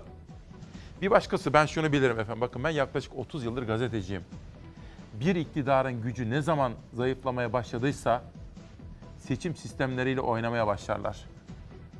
Bunu rahmetli Özal da yaptı, Demirel de yaptı, hepsi yaptı. Bizim şimdi bunlarla kaybedecek tek bir günümüz bile yok. Depremle uğraşmamız gerekiyor. Enflasyonla, hayat pahalılığı, işsizlik, üretim. Türkiye'nin bekleyen sorunları var. Adalet, mağdurlar var. Bizim yeniden sistem tartışmaları, yeniden seçim hiç bakın bunlarla oyalanacak halimiz yok, vaktimiz yok. O nedenle biz bugün manşetimize diyoruz ki Türkiye'yi yormayınız. Peki siyaseten bu mümkün mü? Bugün 5 ayrı köşe yazarından birinden alıntılar yapıyorum. Bunlardan biri de Ciner grubunun sitesinde Habertürk'te Muharrem Sarıkaya. Özetliyor ama diyor ki burada bir tuzak var, referandum tuzağı. Güncel tartışma uzun süredir AK Parti içindeki farklı kesimlerin de dile getirdiği %50 artı birden vazgeçilmesine ilişkin talepler. Bakın ben de şöyle düşünüyorum. Faruk Bey tecrübeli bir isim. Faruk Çelik kesinlikle Sayın Cumhurbaşkanı ile konuşmadan böyle bir açıklama yapamaz. İyi tanıyorum kendisini. Cumhurbaşkanının görüşü de böyledir. Çünkü öyle zannediyorum ki Cumhurbaşkanı da %50 artı birden memnun değildir. Ama Muharrem Sarıkaya diyor ki bunun bu şekilde düzeltilmesi mümkün değildir. Kolay gözükmüyor bugünkü siyasal tablolarla. Bunu şimdilik böyle yorumlayalım. Türkiye'yi oyalamayın diyerek mesajımızı verelim ve dış dünyadaki manşetlere hep beraber bakalım. Financial Times gazetesi ve diğer bütün dış medyada bugün Hong Kong'da olup biten olaylar. Umbrella Movement diyorlar. Yani şemsiye hareketi diye 5 yıl önce başlattıkları demokrasi yanlarının gösterileri. Hong Kong'da tam da Çin'in Çin'deki Komünist Parti yönetiminin 70. yılını kutladığı güne denk geldi Hong Kong'daki eylemler. Geçelim bir başka gazetenin manşetinde de aynı olay var. Hemen alt tarafta bakıyorsunuz Hong Kong'da Çin'in 70. yıl döneminde Komünist Parti'nin iktidara gelişinin aynı zamanda Hong Kong'daki eylemler. Bunu sizlere aktaracağım ama bir taraftan da Avrupa gazeteleri manşetlerinde İngiltere ile Avrupa Birliği arasındaki tartışmalar doruk noktasına çıktı. Acaba bir anlaşmaya varılacak mıydı? Anlaşmaya varılmadan mı ayrılacaklardı? İşte bu da Avrupa'nın gündem maddelerinden bir tanesi. Yerel gazetelerden sonra dış medyada sıra geldi Hong Kong. Bir yanda Çin Halk Cumhuriyeti'nin 70. yılının görkemli kutlamaları, diğer yanda Hong Kong'da yaşanan protestolar ve polis müdahalesi.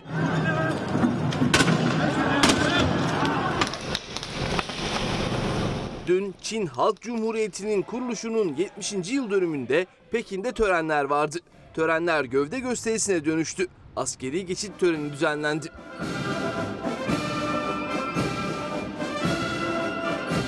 Çin'de yıl dönümü coşkusu vardı ama Çin'e bağlı özerk yönetim Hong Kong'da suçluların Çin'e iadesi yasa tasarısı eylemleri devam etti.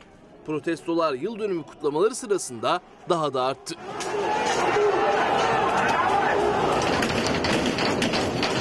Protestolar şiddetlendikçe polisin de eylemcilere müdahalesindeki güç kullanımı arttı. Polis eylemcilere plastik mermiyle, biber gazıyla, copla müdahale etti.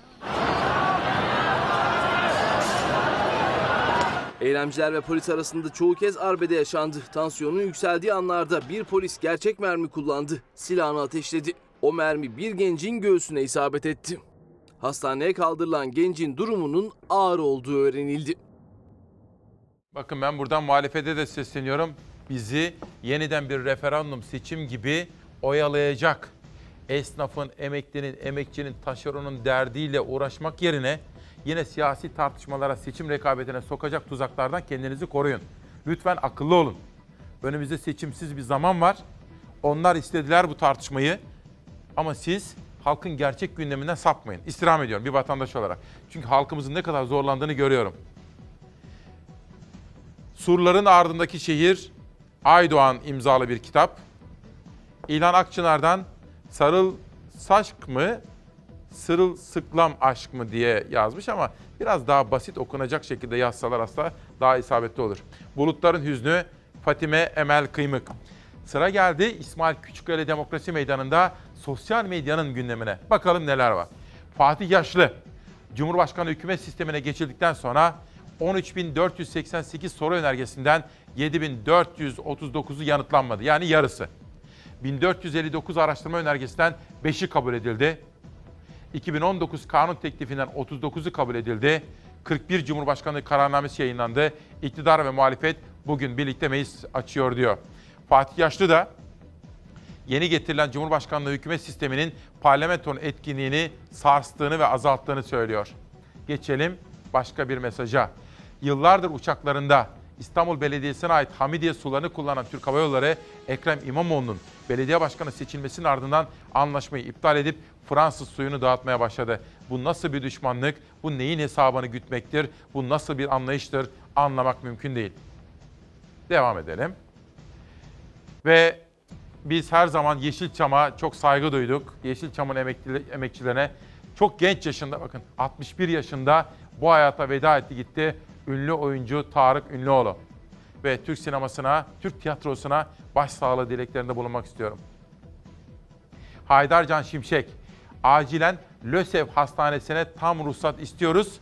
Hepinizin çok iyi bildiği gibi LÖSEV konusu benim yakın takibim altında hassas olduğum konulardan bir tanesi.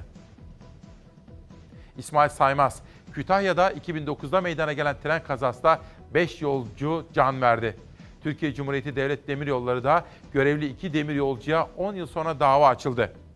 Dava başladığında Türkiye Cumhuriyeti Devlet Demiryolları'nın yanlış isim bilmesinden ötürü iki masum görevlinin yargılandığı ortaya çıktı. Vahim Türkiye'den işte bir manzara. Profesör Esin Davutoğlu diyor ki, Esin Davutoğlu Şenol, TRT Ankara'daki ishal salgınının sudan kaynaklandığını açıklamam için teklifte bulundu diyor. TRT ise iddiaları reddediyor. Faruk Çelik'in %40 alan seçilsin ikinci tura gerek yok şeklindeki sözlerini Ümit Karaca hatta bununla yetinmeyelim. Oraya diyelim ki %40 da yeter 1954 doğumlu olsun Kasımpaşa'da doğsun ve 4 çocuk babası olma şartı koyalım diyor. Yani adrese teslim bir seçim yapalım diyor Ümit Karaca. Bir gün gazetesinden bir alıntı. Bakın bizim Türk Telekom'u kasasında milyar dolarları varken Lübnanlara verdiler. Adam Telekom'un içini boşalttı. Borcunu bizim kamu bankalarına ve özel sektöre, özel bankalara yıktı. Kendi gitti iyi mi? Koca Telekom buhar oldu gitti. O adam Hariri manken sevgilisine 16 milyon dolar havale yapmış. Manken sevgilisine. E tabi para bol. Buradan uçurdu. Sözleşmeli öğretmene şartsız koşulsuz eş durumu gelmeli. Eşlerimizi iki haftada bir iki gün görmek için uçağa yetişme sitesini yaşamak istemiyoruz. Lütfen artık bir çözüm bulunsun diyor. Geçen hafta sonu Adana'ya gittiğim zaman bir öğretmen çift de yanıma gelmişti. Bu konuyu gündeme taşırsanız çok memnun oluruz demişlerdi efendim. Biz de üzerimizde kalmasın bunu duyuralım. Şimdi dün çalışmalarımı yaparken Nihal Kemaloğlu dikkatimi çekti. Ben görmemiştim. Dedi ki bak bu da dedi herkesi ilgilendiriyor. Arkadaşlarım da çalıştılar üzerinde. Zeray Kınacı bir haber yaptırdı onu. Şu. Şimdi ev sahibisiniz veya kiracısınız. Oturduğunuz evde aidat ödeniyor. 100 lira, 150 lira, 200 lira. Bulunduğunuz yere göre, semte göre, aldığınız hizmete göre 500 lira, 700 lira neyse. bazen aidat ödenmiyor değil mi? Bazıları ödemiyorlar. Sıradaki haber aidatını ödenmeyenlerle ilgili. Apartman aidatını ödemeyen malik bir süre sonra kapısında icra kağıdı görebilir. Apartman ya da site aidatını ödemeyen daire sahibi evinden atılabiliyor. Aidat borçları icraya verilip durum mahkemeye yansıyınca ödenmeyen aidat borcu ev satılarak tahsil edilebiliyor diyor uzmanı. Makul giderlerin karşılanması için yönetimin belirlediği genel kurulca onaylanmış aidatı ödemeyen e, kat malikinin dairesi elden gidebilir. Dikkatli olsun. Daire elden gidebilir. Ev sahibiyseniz ya da bir türlü aidat ödemeyen komşunuzdan şikayetçiyseniz bu habere dikkat. Üstelik ödenmeyen her aidata %5 faizle işletiliyor. Yani aidat ödemeyen kat maliki bir gün kapısında bir icra kağıdı bulabiliyor. Üstelik kiracının ödemediği aidat da ev sahibinden soruluyor. Süreç yönetimin noterden ihtar çekmesiyle başlıyor. Yönetim olarak noterden e, ihtarname çekiyoruz. 10 gün içerisinde bize bir dönüş yapmazsa e, normal hukuka, e, avukata teslim ediyoruz. Ondan sonra zaten yasal işlem devam ediyor. Mahallelerdeki tek apartmanlarda aidatlar çift taneli rakamlarda kalıyor genellikle. Ancak site aidatları çok daha yüksek. Hele bir de siteler büyüdükçe, imkanları arttıkça aidatlar adeta bir kira parasına dönüşüyor. Buranın çok yakınında bir site var. Oranın aidatı 1 artı 1'in 390 lira. Yakıt da gelince 700 lirayı buluyor kışın. En büyük kalem güvenlik, sonra temizlik. E, bu tür sitelerin teknik bakımları var, bahçe bakımları var. E, havuzlu sitelerin havuzun bakımı var, ilacı var. Giriş kapısı sayısı bunlar hepsi aidatı etkiler. Eğer güvenlikli ve sosyal imkanlarla donatılmış bir site söz konusuysa aidat parası yakıtla beraber 700, 800 hatta 1000 liraya çıkabiliyor. Hal böyle olunca aksayan ödemelerde ödenmeyen miktarlar kısa sürede katlanıyor ve ödenmeyen aidatlar bir gün ev sahibini evinden dahi edebiliyor. Apartman yönetiminin giderlerine katılmayan kat malikinin hakkında icra takibi yapılır. Hatta o malikin dairesi satılıp o bedeller tahsil edilebilir. Çok kitlesel bir haber değil mi? Bugün işte ekip arkadaşlarım ve danışmanımın katkısıyla şöyle bir çalışma yaptık efendim. Bakın Türkiye'yi Türkiye'yi yormayın diye bir manşet attık bu sabah. Şimdi tartışma şu %50 artı 1.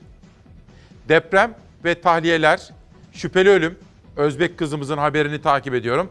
Samsun'a gideceğiz biraz sonra. Çarşamba Samsun'dan çok telefonlar geldi. Adana'da terör örgütüyle mücadele kapsamındaki haberleri verdim. Ekonomi, elektrik zammı ve LPG. Biraz sonra ekonomi ve tarım haberlerini çokça göreceğiz. Ve annelerin sesini duymak için Diyarbakır'a gittik. Gazeteci Toygun Atilla biraz sonra demokrasi meydana çıkıyor. Diskin istihdam raporunu sundum. Başkaca ekonomi haberleri kaldı vereceğim. Yerel gazetelere çıktık ama iki gazete daha kaldı. Günün yazarlarında Muharrem Sarıkaya'yı özetledim. Saygı Öztürk Sayıştay raporları. Diyor ki Sayıştay adı, acaba Cumhurbaşkanı sarayını denetlemiyor mu? Kağıt üzerinde denetliyor ama gerekeni yapıyor mu diye bir soru soruyor. Elif Çakır, Bir Günden Kaan Sezyum ve Hürriyet Değerli'nin üstten Serkan Demirtaş'ın yazılarından özetler sunacağım. Kadın cinayeti Ecem Balcı davasını takip ediyorum ve yargı reformu konusunda da haberler sunuyorum. Ve Hikmet Özdem'in Atatürk kitabı. Bizim sabah buluşmalarımız iç sesimizi duymak içindir. İç sesimizi, içimizde bir ses var. Ve Atatürk'ün sesi, Atatürk'ün arkadaşı Bayan Korin ona bir mektup yazıyor. Diyor ki, benim ihtiraslarım var. Hem de pek büyük. Fakat benim bu hırsım, ihtiraslarım öyle yüksek makamlar, mevkiler işgal etmek için değil. Hayır, benim ihtiraslarım büyük paralar elde etmek için değil. Ben bu ihtiraslarımın gerçekleşmesini vatanıma büyük faydaları dokunsun diye edindim. Bana da liyakatle yapılmış bir vazifenin canlı iç rahatlığını verecek büyük bir fikrin başarısında arıyorum. Bütün hayatımın prensibi bu olmuştur. Ben ülkeme hizmet etme ülküsünü çok genç yaşlarda edindim diyor. Yani atamızın ihtirasları vardır ama o ihtiraslar güç için, para için, makam mevki için değildir. Ülkesini kurtarmak içindir. Efendim dün Berkant'ın anması için hazırlıklar yapmıştık ama haber yolculuğumuz uzamıştı. Size sunamamıştım. Biz aynı zamanda vefalı bir aileyiz. İsmail Küçükkaya ile Çalar Saat ailesi olarak Berkant'ı saygıyla anıyoruz. Benim bütün dualarım seninle Sen bir ömür mesut olasın diye Yalvarırım gündüz gece hayalin gözlerimde Mesut olasın diye. Benim bütün dualarım seninle. Biliyorum doyamadın sevgiye. Sen beni duymasan bile hatıralar senelerce bir tesellidir bize. Dünyada sevilmiş ve sevecek kim varsa onlar hep duyarlar, anlarlar bu şarkıda. Bütün ıssız kumsallarda ve o karlı dağlarda onlar duyarlar bu aşkı hep kendi ruhlarında Benim bütün dualarım seninle Sen bir ömür mesut olasın diye. Yalvarırım gündüz gece hayalim gözlerimde Mesut olasın diye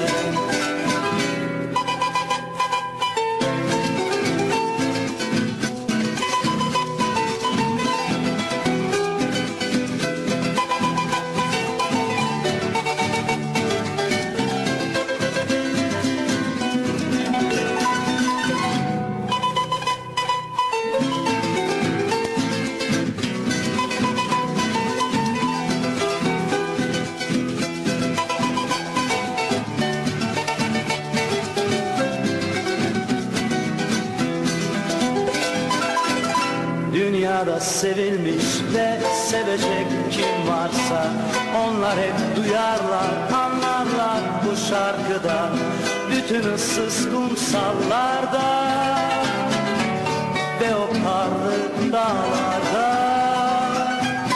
Onlar duyarlar bu aşkı Hep kendi ruhlarında. Benim bütün dualarım seninle Sen bir ömür mesut olasın diye. Yalvarırım gündüz gece hayalim gözlerimde Mesut olasın diye Mesut olasın 2 Ekim 2019 Çarşamba ve Türkiye'yi yormayın dedik. Siyasi sistem tartışmalarıyla boşa geçirecek vaktimiz ve harcanacak enerjimiz yok dedik. Seçimsiz bir dönemde ekonomi ve tarım, üretici bu kesimlerin sesini duyuracağız. İkinci kuşağımıza başlıyoruz. Savaş Yıldız yönetmen koltuğunda şu andan itibaren ve işte manşetler. Elektriğe gelen %14.90'lık zam ve LPG'ye gelen zam ve hayatın artık pahalı hale gelmesi. Ampul zam saçıyor. İğneden ipliğe her şeyin fiyatı arttı, kriz derinleşiyor diyor. İşte bakın eğer bir dost tavsiyesi istiyorlar ise seçimdir, sistemdir, referandumdur. Bırakınız efendim. Halkın temel meselesi geçim. Taş çatlasın 50. 50'yi yukarı asla geçmiyordu. O da her şey çalışıyor. E şimdi son faturam 150 geldi. Aynı şeyleri kullanıyorum. Aynı işi yapıyorum. Üst üste yapılan zamlarla ödediği fatura katlandıkça katlandı tüketicinin. Tarife değişikliği olmayacak denmişken %14,9 zamlandı elektrik. Bu yıl içindeki ikinci zam. Sayaç aynı hızla işliyor ancak harcadığı her kilowatt başına daha fazla ödüyor artık tüketici. Her dakika zam, her dakika zam, her gün zam. Sabahleyin kalktığımızda acaba bugün neye zam geldi? Alıştık artık ama çok doğal geliyor. Yo ben alışamadım. Gerçekten alışamadım yani. Devlet ne yapmaya çalışıyor onu da bilmiyorum. Hem doğalgazda hem de elektrikte önümüzdeki dönemde herhangi bir tarife değişikliği olmayacak. Yerel seçimlerden önce Erdoğan indirim müjdesi vermişti. Enerji Bakanı ise 31 Mart yerel seçimlerinden sadece birkaç gün önce zam yok dedi. Seçimler bitti. Tekrarlanan İstanbul seçimi sonrası zam dalgasının ardı arkası kesilmedi. Temmuz ayında yapılan %15'lik zamla birlikte bu yıl elektriğe toplam yapılan zam oranı %32 oldu. Elektrik Mühendisleri Odası'nın araştırmasına göre 4 kişilik bir ailenin asgari Asgari elektrik tüketimi aylık 230 kilowatt. 4 kişilik aile aylık 142 lira elektrik faturası öderken bu ay yine aynı elektriği tüketecek ancak bu kez 163 lira ödeyecek. Asgari ücretlinin işi zor. Bu aydan itibaren evli ve çocuklu asgari ücretli çalışan vergi dilimine giriyor. Eşi çalışmayan 3 çocuklu bir asgari ücretli Ocak ayından beri asgari geçim indirimiyle birlikte net 2155 lira alıyordu. Bu ay cebine 2076 lira girecek. Maaşından kesilen vergi oranı artacağı için Kasım ve Aralık aylarındaysa maaşı 2046 liraya düşecek. 10 bin lira da gel- gelirimiz olsa hani kaşıkla verip kepçeyle alıyor. Kalmıyor elimizde hiçbir şekilde. Markete gittiğimde ben küçücük poşete 100-200 lira para ödüyorum. Son bir yıl içinde yani 2018 Ağustos'tan 2019 Ekim'ine kadar elektrik ve doğalgaza toplamda 10 defa zam yapıldı. Normalde 3 ayda bir tarife yenileyen EPDK 2018'de Ağustos, Eylül ve Ekim aylarında 3 kez arttırdı elektrik fiyatlarını. Zammın nedeni üretim şirketlerinin maliyetlerindeki artışlardı tüketiciye yansıtıldı. Asgari ücretliye ortalama 25 lira yük demek. En azından şunu yapsınlar. Elektriğe ne kadar zam yapıyorsa asgari ücrete memur işçiler o kadar zam yapsınlar. Geçtiğimiz kışa zamlarla giren tüketici bu yılda zamlı karşılayacak kışı. Çünkü BOTAŞ da aynı zamanlarda arttırdı doğalgaz fiyatlarını. Doğalgaza 2018 yılı içinde 3 ayrı zam uygulandı. 2019 yılında 2 zam daha geldi. Gelecek aydan itibaren kombiler yakılacak. Asgari ücretlinin maaşı aynı kalırken doğalgazda da aylık ortalama 80 lira ek yük demek. Ben bir işim 80 lira geliyor bana. Bunlar sadece elektrik ve doğalgazdaki ekstra yük asgari ücretliye. Bir de gıda, kira ve eğitim ve sağlık masrafları eklenince çalışan içinden çıkamıyor hesabın. Artık kafa gidiyor. Matematik yetmiyor. Vallahi artık bunadık artık. Hesap kitap yapmaktan kafa gitmiş. Vallahi bir aldığını aynı fiyata alamıyorsun. Gidiyorsun markete aynı şeyleri alıyorsun. Ödediğin para her defasında artıyor. Hayat iyiden iyiye pahalı hale geldi. Bunu görüyoruz. Ve bakın elektriğe zam gelince doğal olarak her şeyi etkiliyor. Ve bir başkası Gaziantep Güneş Gazetesi. Erzurum zamları, bakın elektrik zamları, biraz önce Erzurum Gazetesi'nde de okumuştum da. Elektrik zamları sanayicinin rekabet gücünü düşürdü. Keşke olmasaydı diyor. Elektrik fiyatlarına arka arkaya yapılan zamlar sanayicinin rekabet gücüne büyük darbe vurdu. Gaziantep Sanayi Odası Başkanı Adnan Ünverdi son yapılan %14.9 oranındaki zam için keşke olmasaydı dedi. Keşke olmasaydı efendim. Peki üreticiye bir bakalım. Türkiye'nin kurtuluşu nerede? Sorayım size bir dakika, bir dakika. Türkiye'nin kurtuluşu nerede? Tabii ya, üretimde, yatırımda, betonda değil, rantta değil. Türkiye'nin kurtuluşu üretimde. Bizim büyük fiyatta da bir gözümüz yok yani. Zengin de olalım istemiyoruz. Paşayı kurtaralım yeter. Maliyetine domates, maliyetine limon, çiftçi kara kara düşünüyor. Çanakkale'li ve Muğlalı üreticiler kâra geçmek bir yana neredeyse masrafı bile karşılayamıyor. Çanakkale domatesimiz 80 kuruştan başladı sezon başında. Ee, şimdi şu an 40 kuruş, 50 kuruş. mazot fiyatlarında girdiler, gübre fiyatlarındaki artışlar ve ilaç fiyatları, işçi maliyetleri, depolama maliyetleri filan e, bunlardan dolayı e, fiyat yükseliyor pazardan. Çanakkale domatesi kendine has kokusu ve lezzetiyle mutfağın vazgeçilmezlerinden. Geçen yıl fiyatıyla üreticiyi sevindirdi domates. Bu yıl durum farklı. Kumkale Ovası'nda sezon başında çıkan ilk domatesin kilosu 80 kuruşla 2 lira arasında değişen fiyatlara satıldı. Domates bollaştıkça fiyatlar dibe vurdu. Fiyatlar bozuk. Bozuk 40 kuruş, 50 kuruş. Yükselmesini ümit ediyor musunuz? Etmez miyiz? Et, bütün hayallerimiz yoksa bunun mücadelesini yapar mıyız yani bu kadar? Biz dört günde bir ilaç atıyoruz. Bu mücadele nasıl bir mücadele ben bilirim. Yetiştiren bilir. Şu domatesimiz Çanakkale marka domatesimiz. Kaliteli domatesimiz en aşağı bir buçuk liradan gitmesini istiyoruz yani olması lazım. Çiftçinin maliyetini kurtarması için. Muğla'da da limon üreticisi dertli. Onlar da bin bir emekle yetiştirdikleri limonu bu yıl maliyetine satmak zorunda kaldı. Rekoltemiz geçen yıla göre %30 civarında eksik. Mazot çok pahalı olduğu için e, çiftçi 3 defa süreceğine bir defa sürüyor. Bu da hastalık yapıyor bahçelere. Ortaca'da kilosu dalında 2 lira olan limon pazarda en az 7 liraya satıldı. Pazarda limon şu anda e, zannedersem 7 lira civarında. Bu yükseklik neden kaynaklanıyor? Bu bahsettiğiniz şeylerden dolayı. Aynen. Maliyetlerin yüksek olması. Biz üretici olarak çok e, bir parada gözümüz yok ama illaki emeğimizin karşılığını almak zorundayız.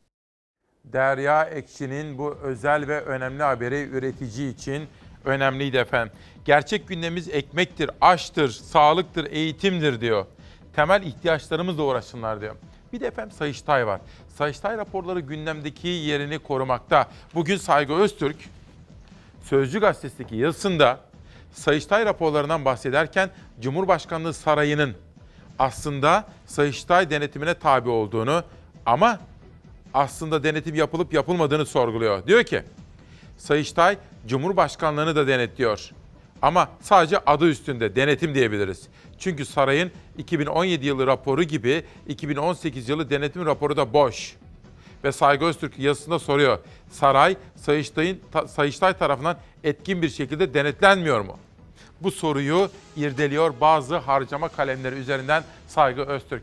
Dün parlamento açıldı. Günün manşetini Cumhurbaşkanı Erdoğan'dan aldık. Erken saatlerde sizlere anlatmıştım. Türkiye'yi yormayın. Bu hem Faruk Çelik'in sözüydü hem de Cumhurbaşkanı Erdoğan'ın. Bugünkü etiketimiz de bu. Bir gün diyor ki yetkileri alınmış Türkiye Büyük Millet Meclisi 74 gün sonra toplandı. Kapalı ya da açık artık fark etmiyor dedi. Yani içinde bulunduğumuz yeni Cumhurbaşkanlığı hükümet model sisteminde meclisin etkinliğinin azaldığının altını çiziyor efendim. Gazeteci Toygun Atilla şu anda Fox binasına girdi. Arkadaşlarım kendisine bir sade kahvelerini ikram ediyorlar. Biraz sonra demokrasi meydanına gelecek Toygun kardeşim ve kendisiyle sohbet edeceğiz. Bizim için fikri takip namustur efendim. Yani biz bir konuyu işte bunu haber yaptık bıraktık öyle bir şey olmaz. Biz biz herhangi bir konunun üzerine gidiyorsak halkımızın yararına sonuç alanına kadar bırakmayız. Belirlenen standartlar dışında ülkeye giren çok sayıda hayvan var aslında. Hem sağlık teknik açıdan Türkiye'ye getirilmesi aslında o kriterlerde olmayan ırklar var. İzni olmayan hayvanların Türkiye'ye girişi Sayıştay'ın Tarım Bakanlığı raporuna yansıdı. Romanya'dan getirilen sığırlar için karantina süresi de uygulanmadı rapora göre. Hayvanlara bozuk aşı yapıldı, genç çiftçilere hasta hayvanlar hibe edildi. İnsan sağlığı açısından da önemi var. Birçok hastalıktan bahsediliyor. Gene bu Sayıştay raporundan, brusellozdan bahsediliyor, tüberkülozdan bahsediliyor. Bunlar hem hayvan sağlığına hem de insan sağlığına zararlı olan hastalıklar. Hayvan ithalatında yaşanan ilk skandal da değil bu üstelik. Bir gemi hayvan da daha bu yaz yasal olmayan yollarla İspanya'dan Türkiye'ye getirilmişti. Normal şartlarda İspanya'dan alınıp Lübnan'a götürülmek üzere yola çıkarılmış ama bir evrakta sahtekarlık yapılarak Türkiye'ye sokulmak istenmiş. Müşterilerimizle beraber İspanya'da gittik. Satın alacağımız hayvanları seleksiyonunu seçtik hayvanlarımızı tek tek. Tarım Bakanı evrakta sahtecilik yapıldı, rotası Lübnan'dı derken firma ise hayvanların bilerek getirildiğini açıklamıştı. Bize verilen faturada çıkışı Tarragona Limanı, gelişi İskenderun Limanı. Romanya'dan 117 sığır usulsüz yollarla Türkiye'ye getirildi. Sayıştay'ın raporuna göre 21 günlük karantina süresi de uygulanmadı. Binlerce doz aşı soğuk zincire uyulmadan ev tipi sağlıksız buzdolaplarında saklandığı için bozuldu. O aşılar da hayvanlara uygulandı. Tarım Bakanlığı ise kendini suçu yine kendine bağlı bir kuruluşa atarak savundu. Tarım İşletmeleri Genel Müdürlüğü var aslında TİGEM diye kısaca bahsettiğimiz. Bu ithalatı yapan da bu kurumumuz. Ee, bunun da bir devlet kurumu olması ayrı bir sorun. Yani de, bakanlığa bağlı bir kurum içerisinde böyle bir ithalata izin verilmesi ayrı bir sorun bence. Aynı rapora göre bir başka skandalsa genç çiftçi projesiyle ilgili. Üretime teşvik için genç çiftçilere verilen hayvanlarda bruselloz, veba, şap gibi hastalıklar vardı. Genç çiftçiler ise yetiştirmesi gereken hayvanları yasak olduğu halde sattı. Ülkede genç çiftçileri biz tarım sektörüne özendirmeye çalışıyoruz. Hayvancılığa özendirmeye çalışıyoruz. Gelen bu hayvanlar aslında bu genç çiftçilere verilmiş görünüyor. Ee, başlangıçta böyle yanlış bir şey yapmanın bu genç insanların sonradan tarımdan uzaklaşacağı kesin. Ah bu Tarım Bakanlığı ah. Yani şu Tarım Bakanlığı'nı belki de birazcık bölmek lazım. İşin ehline teslim etmek lazım. Çünkü bu önemli bir mesele. Yani bağımsızlık, beka meselesi bu işte. Tarım Bakanlığı kötü gidiyor. Bunu görmüyorlar mı? Dün Samsun'dan çok sayıda telefon ve e-mail aldım efendim. Konuştum bazılarıyla. Bir eczacı, bir avukat. Onunla ilgili onlara söz verdim. ülkemin neresinde bir çevre sorunu varsa duyuracağım. Ama önce Ecem Balcı diyorum. Savaş ver bakalım. Kadına şiddet ve kadın cinayeti. Bu kızımız 17 yaşındaydı efendim. Geçtiğimiz yıl Kocaeli'nin Gölcük ilçesinde kaybolmuştu. Daha sonra annesinin sevgilisi tarafından öldürüldüğü ortaya çıkmıştı. Balçık İlter o zamanlar televizyonda bunu işliyordu ve canlı yayında da bazı gerçekler ortaya çıktı. Polise de itirafta bulunmuştu adam. Kızı öldürmüştü boğarak. Fakat mahkeme safahatında tabii ki her zaman olduğu gibi suçunu inkar etmeye başladılar. Yarın Kocaeli'de 6. duruşması görülecek. Biz de bunu takip ediyoruz. Baba da adalet arıyor. Kızımızın annesi de bu olaydan sonra canına kıymıştı efendim. Dolayısıyla yarınki mahkemeden ne sonuç çıkacağını adalet bağlamında büyük bir merakla ve ilgiyle takip ediyoruz. Bir çevre sesini duymak ve duyurmak için Samsun Çarşamba'ya gidiyoruz. Çocuklarımıza, geleceğimiz nesillerine zararı olan bir şeyi hayatta ben istemem. Çevreciler ve vatandaşlar biyokütle enerji santralini istemiyor, kuruluşa itiraz ediyorlar. Samsun'un Çarşamba ilçesinde Eğercili mahallesinde bir biyokütle enerji santrali kurulmak isteniyor. Samsun Çevre Platformu ise kurulacak santralin çevreye ve insana vereceği zararı öne sürüyor, itiraz ediyor. Çevreciler biyokütle yakıtla çalışacak santralin günde 630 ton yakıt tüketeceğini, yanma sonucu her gün 38 ton kül atığı oluşacağını söylüyor. Havaya ise günde 14,4 kilogram kül salınacak diyorlar. Çarşamba Ovası'nın tam ortasında Eğercili Mahallesi sınırları içerisinde toplam 181 dönüm arazi üzerinde 27 megawatt kurulu gücünde biyokütle enerji santralı kurulması ve işletilmesi çalışmalarının başladığını maalesef basından sizler sayesinde öğrenmiş bulunuyoruz. Doktorlarsa uyarıyor. Çevreye, doğaya ve toprağa salınan zehir dolaylı olarak insanı bulacak diyorlar. Bu kimyasalların toprağa geçmesi, içme sularımıza geçmesi, kaynak sularına, sulama sularına ve doğaya, bitkiye, ormana geçmesi zaten insan sağlığını ve çevre sağlığını indirekt olarak etkileyecektir. Bu konuyu da dikkatle takip edeceğiz efendim. Çevre bizim korumamız gereken ve üzerinde hassasiyetle durmamız gereken konulardan biri. 10 yıldır yolumuz yapılmıyor. Mahmut Karalı Şanlıurfa. Belediye çalışmıyor. Şanlıurfa Halile Gürpınar Mahallesi. Ben Mahmut Karalı. Telefon numaram demiş. Telefon numarasını da vermiş. Mahmut Karalı Şanlıurfa'da belediyeye çağrıda bulunuyor efendim. Yeni çıkan kitaplar demişken Barış Esen, Asimetrik Güç, Filistin ve İsrail ve o da bana imzalayarak göndermiş benim meslektaşım kitabının da hayırlı olmasını diliyorum Barış Esen'in. Ve IMF, Cumhurbaşkanı dün parlamentodaki konuşmasında IMF defterinin kapandığını, bir daha açılmayacağını söyledi. Ve bu konuşmaların dışında Suriye konusunda Amerika ile Türkiye bir türlü anlaşmaya varamıyor. Amerika çifte standart uyguluyor bize açık söyleyeyim ve samimiyetsiz yaklaşıyorlar. Sabah gazetesinde bugün Bilal Erdoğan'ın manşeti var. Erken saatlerde sundum tekrara kaçmayayım. Buradan bir de Yeni Çağ Gazetesi'ne geçelim ve ekonominin gündemini sizlerin dikkatlerine getirmeye çalışayım. Zam sağanağı durmuyor. Ekonomik paketin açıklanıp kriz endişesinin görülmediğine vurgu yapıldığı gün elektriğe yapılan ikinci yüzde 14.9'luk zam vatandaşın belini büktü. Ve bugün Bir Gün Gazetesi editörleri doğalgaza son bir yılda yapılan zammın %57 olduğunun altını çiziyor. Yeni Çağ Gazetesi.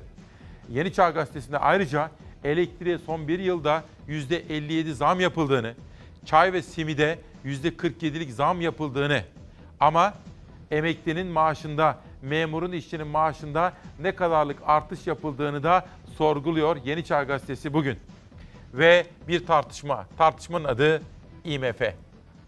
IMF buraya gelmiş. 11 gün bunlar IMF ile gezmişler, tozmuşlar. Gizli bir evliliğe karar vermişler. IMF defterini tekrar açılmamak üzere Mayıs 2013'te kapattık. Cumhurbaşkanı bir kez daha altını çizerek IMF defterini kapattık dedi. Ancak muhalefet iktidarın IMF ile gizli bir anlaşma yaptığı iddiasında. Son açıklanan yeni ekonomi programında IMF raporunun izleri olduğunu söylüyor CHP. IMF diyor ki otomatik olarak enerji fiyatlarını arttır diyor. Dün akşam ne oldu? %14,9 elektrik fiyatlarını arttırdılar. Mali disiplinden asla taviz vermiyoruz. IMF diyor ki bütçede gayri safi yurt içi hasılanın yüzde bir buçuğu kadar bir tasarruf sağla. IMF'nin istediğinden de fazla bir tasarruf çıkmış. Hazine ve Maliye Bakanı Berat Albayrak yeni ekonomi programını 30 Eylül'de IMF heyetinin Türkiye ziyaretinden yaklaşık bir hafta sonra açıkladı. CHP sözcüsü Faik Öztrak, iktidarın IMF'nin raporuna göre programda düzenleme yaptığını söyledi. IMF diyor ki bankaların aktif kalitesini düzelt.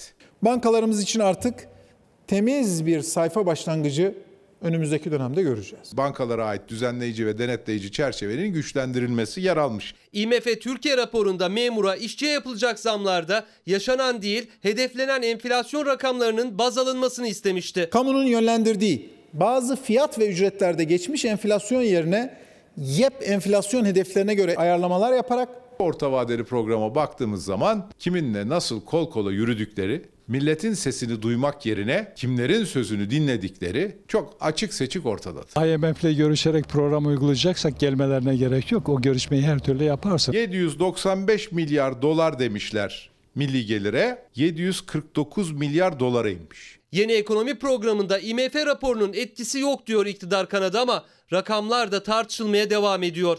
2019 sonu için %2,3'lük büyüme oranı %0,5 olarak revize edildi.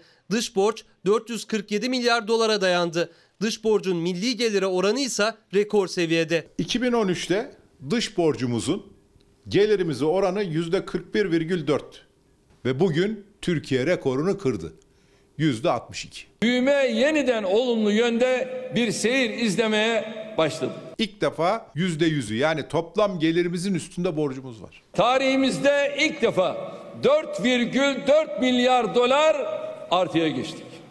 Ekonomideki her iyileşmeyi vatandaşlarımıza yansıtmaya devam ediyoruz. Cumhurbaşkanı muhalefetin ekonomi eleştirilerine meclis kürsüsünden yanıt verirken Hazine ve Maliye Bakanı Berat Albayrak'ın iyileşme vatandaşlarımıza yansıyor cümlesi de günün en çok konuşulan açıklamalarından biriydi.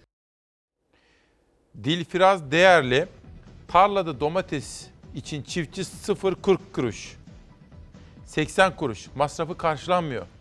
Markette biz tüketiciye domatesi 4 lira ile 12 lira arasında veriyoruz. Yerine göre değişiyor. Üretici rahatsız, tüketici rahatsız. Devlet üretici ile tüketici arasında ne yapacak diye soruyor. Önlem alması gerekiyor diyor Dilfiraz Hanım'ın mesajı. Türkiye'yi yormayın dediğimiz bugün de bir anonsum var. Ve işte gelsin. Beni de aradı Emrah Halıcı bu ülkede devlet adamlığı yapmış önemli bir isimdir. Zeka, çocuklarımızın zekasını geliştirmek üzere. Bakın 4-5-6 Ekim'de ODTÜ'de Zeka ve Yetenek Kongresi düzenleniyor. Ücretsiz bir kongre efendim. Türkiye Zeka Vakfı'nın ODTÜ Eğitim Fakültesi ile birlikte düzenledikleri bir etkinlik geçen sene de yapılmıştı ve duyurmuştum. Devam edelim. Şimdi dün Mansur Yavaş akşam Habertürk'teydi. Sizlere bir manşet sunmuştum. Ekrem İmamoğlu dün Paris'e gitti. Paris'ten fotoğraflar geldi. Biz dedi şeffaf bir belediyecilik yapacağız. Paris'teki temasları sırasında işte bu mesajı verdi. Ve aslında bir fotoğraf daha gelecek. Bunu da sosyal medyada bugün göreceksiniz öyle zannediyorum. Paris'te Edirne'den Ardahan'a kadar ülkemi çok sevdim diyen müzisyen Ahmet Kaya ve Türk sinemasının unutulmaz ismi Yılmaz Güney'in kabirlerini ziyaret ettim, dua okudum. Allah'tan rahmet diliyorum, ruhları şad olsun diyor. Şimdi Ekrem İmamoğlu'nun Paris'teki temaslarını izlemek üzere Fransa'ya gidiyoruz.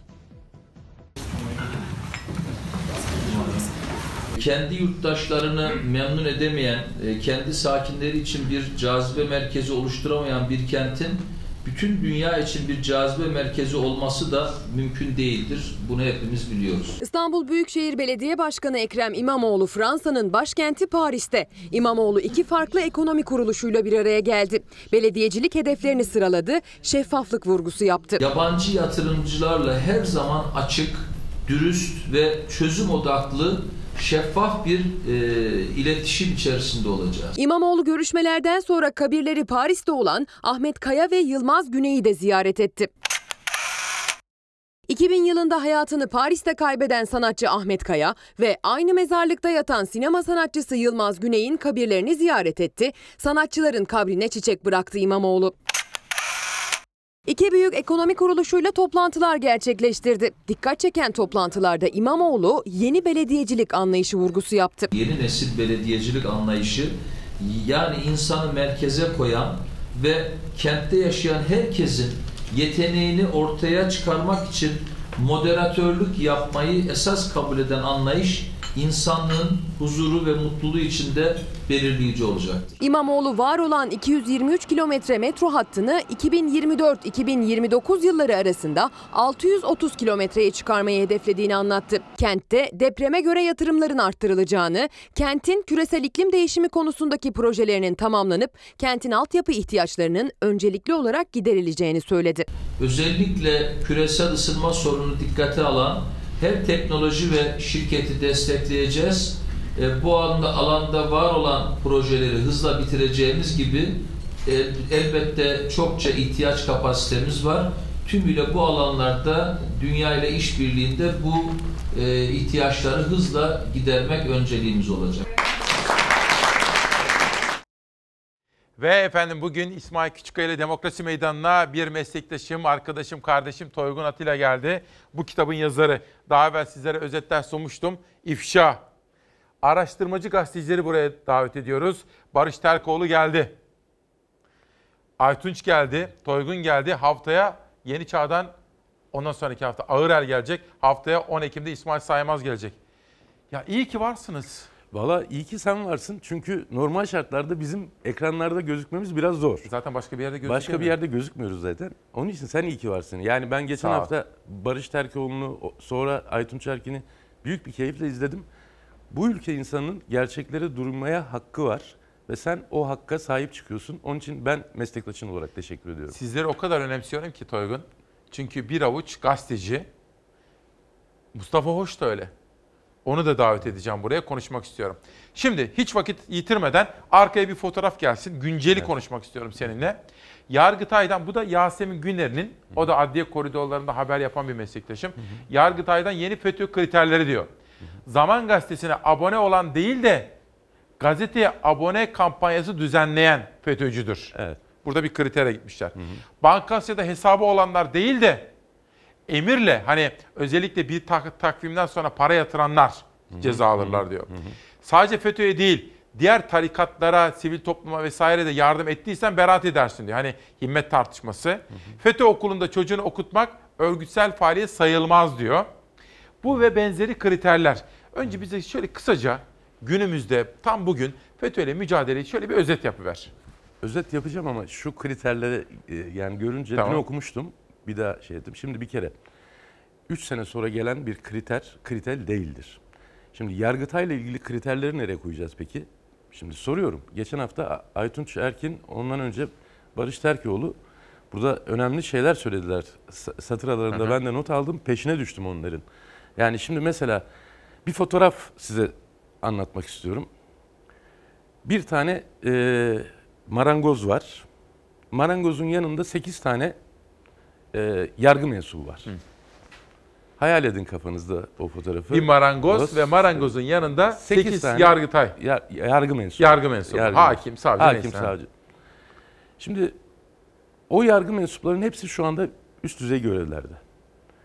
O marangoz şu anda FETÖ imamı olduğu için tutuklu. Ve hapis cezasına çarptırıldı. Oradaki e, yargı mensupları şu anda bu soruşturmaları yürütüyorlar. Fakat biz bugüne kadar hala o yargı mensuplarına marangozla siz nereye gezmeye gittiniz? O fotoğrafı neden çektirdiniz diye sormadık.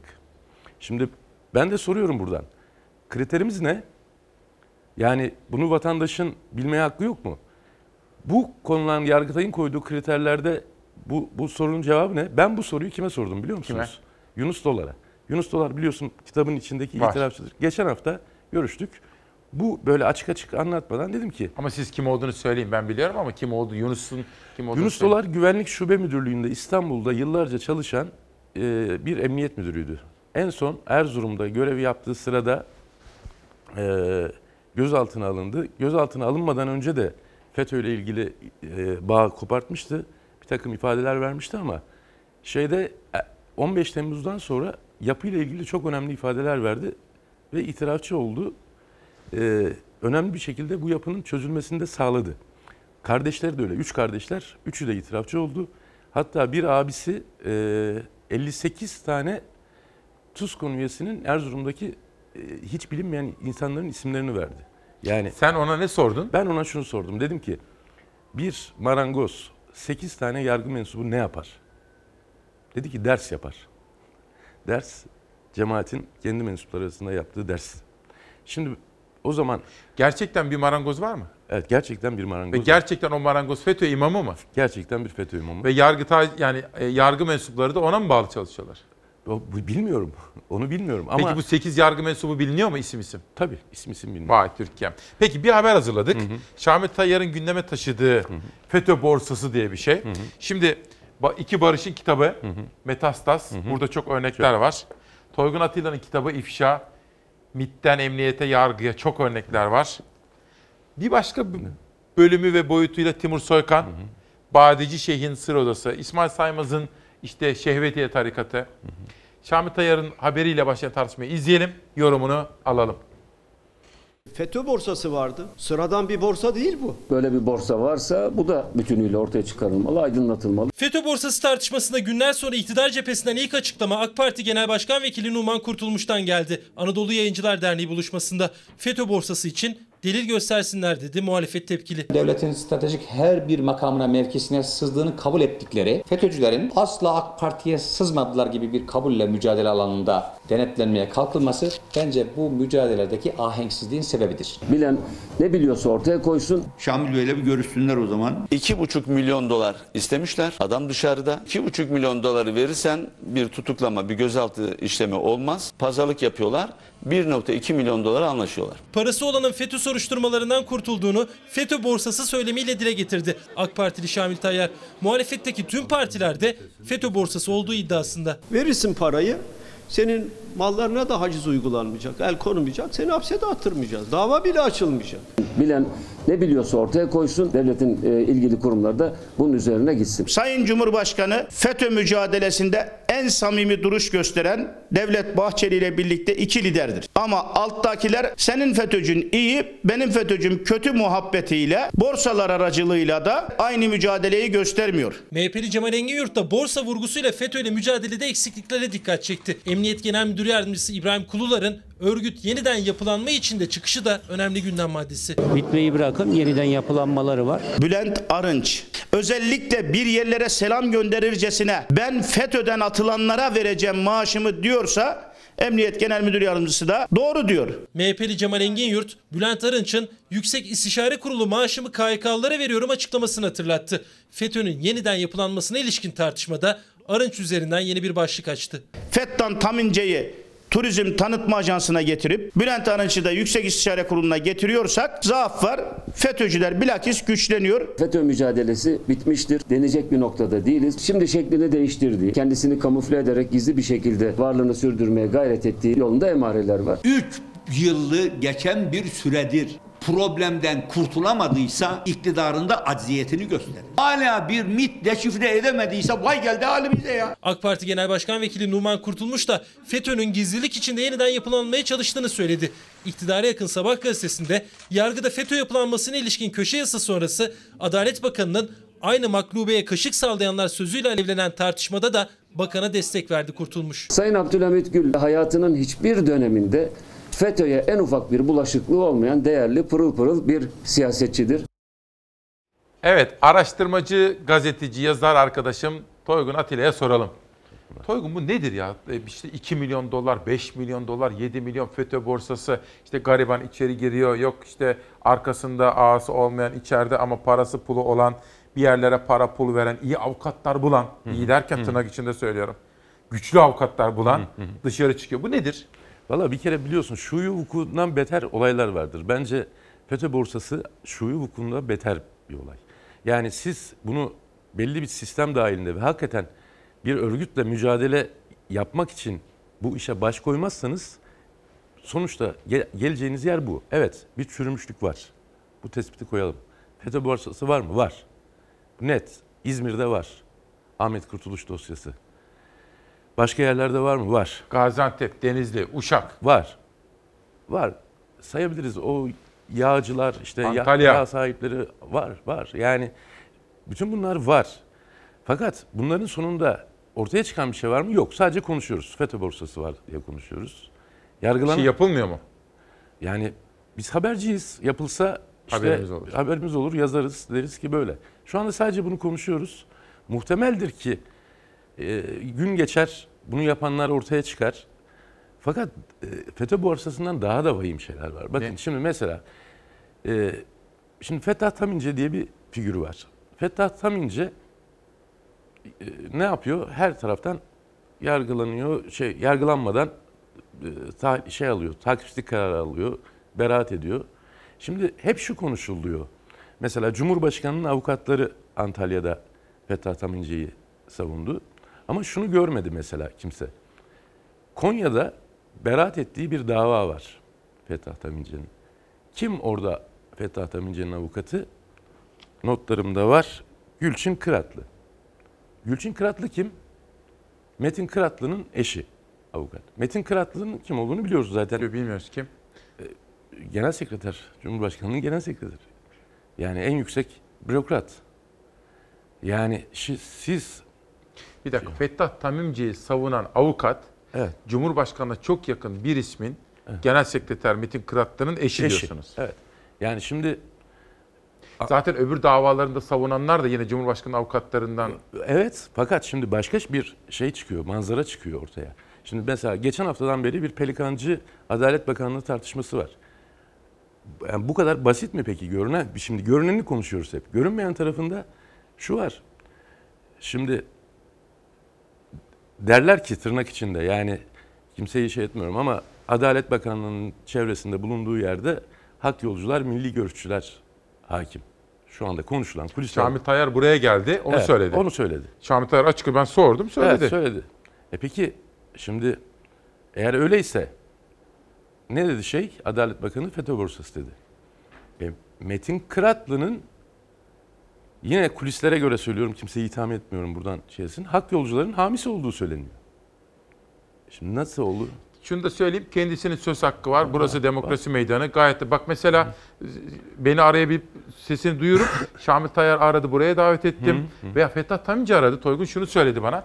Ya sevgili İsmail Bey dedi siz böyle tamam konuşuyorsunuz filan. Benim hukuken haklı çıkma ihtimalim yok mu dedi. Bunu bertaraf biz böyle dedim böyle bir şey diyemeyiz. Hukuken haklı çıkıl- çıkılabilir. Bilemem ben. Ben avukat değilim sonuçta. Fakat bütün bunların işte biz hep bunu söylemeye çalışıyoruz. Adil yargılama. Yani vatandaşın kafasında en ufak bir tereddüt kalırsa siz önce kendi toplumunuzu böyle bir mücadele verdiğinize inandırmanız gerekiyor. Eğer o toplumu arkanıza alamazsanız siz zaten bu mücadelede baştan FETÖ'ye karşı kaybedersiniz ve biz iki sene sonra bu ekranların her tarafında o FETÖ'cüleri ve FETÖ'cülerin artıklarını burada konuşurken görürüz. Çünkü adil yargılama şart. Bakın o gün Barış Terkoğlu önemli bir şey söyledi. Dedi ki kimse burada bir intikam peşinde falan değil. Kimse değil. Bakın Ali Tatar'ın abisi Ahmet Tatar iki hafta önce imza günündeydim Ankara'da. Orada konuşurken hiçbir kardeşini ölümünden sorumlu bu insanlar. Yine de adil yargılama diye bahsetti. Bu ülkeye hukuk gelmez ise hepimiz dönüp dolaşır aynı acıları tekrar tekrar çekeriz. Ben onun için lafa başlamadan önce kimseyi itham etmeyerek et, o şeyi e, koydum oraya. Aslında hani kimseyi itham etmiyoruz ama sorular soruyoruz Sorular ve soruyoruz. herkesin de söz hakkı var. Var, Onu tabii. tekrar etmek Ya, istiyorum. aynen öyle. Yani şimdi bu, bu konuşulanlar bunlar. Yani biz bunları halının artı, arkasında... Peki şöyle bir Buyurun. soru sormak istiyorum Buyurun. sana. Ne yapmalıyız? Şimdi devletimizin temiz olmasını istiyoruz ya. Devletimiz, hükümetimiz, muhalefetimiz hepsi. Onu soracağım ama Savaş ver bakayım şu tweetleri. Birkaç tweet seçtim sosyal medyadan sen geleceksin diye. Bak dün yani Ekim'in biri 18 ilde FETÖ gözaltıları.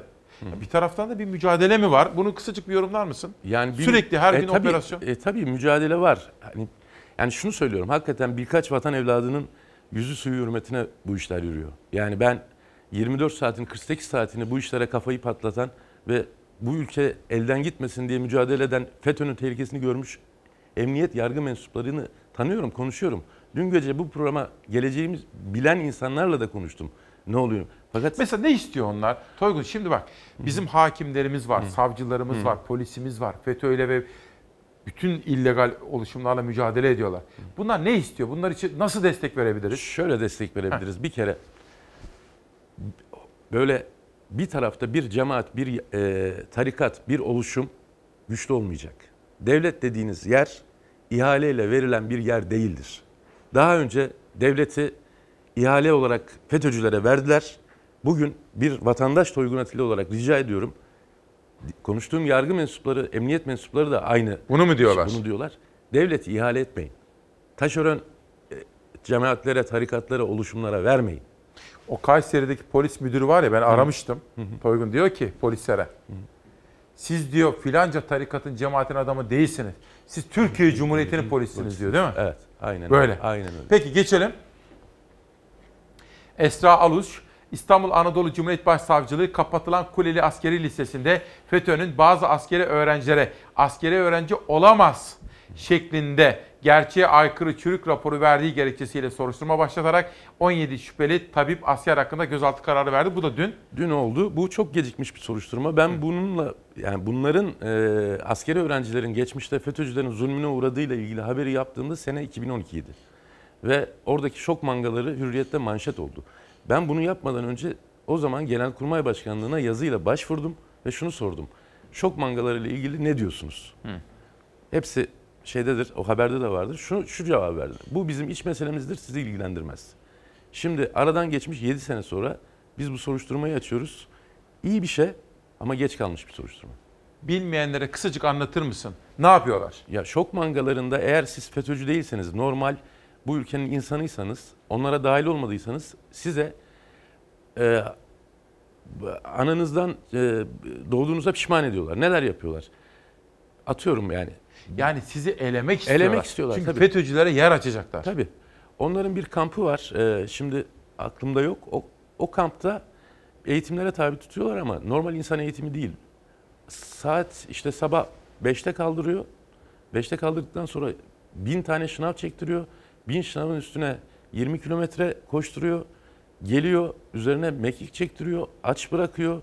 Bir saatten sonra bu adam insanlıktan çıkmaya başlıyor. Yine de fiziksel olarak dirense de bu sefer psikolojik baskı başlıyor. Bütün arkadaşların yanında aşağılıyor. O çocuklar üçüncü gün, beşinci gün o kampı terk etmek zorunda kalıyor. Bir de şöyle bir şey var. Bakın siz bir yerdesiniz topluluk halinde.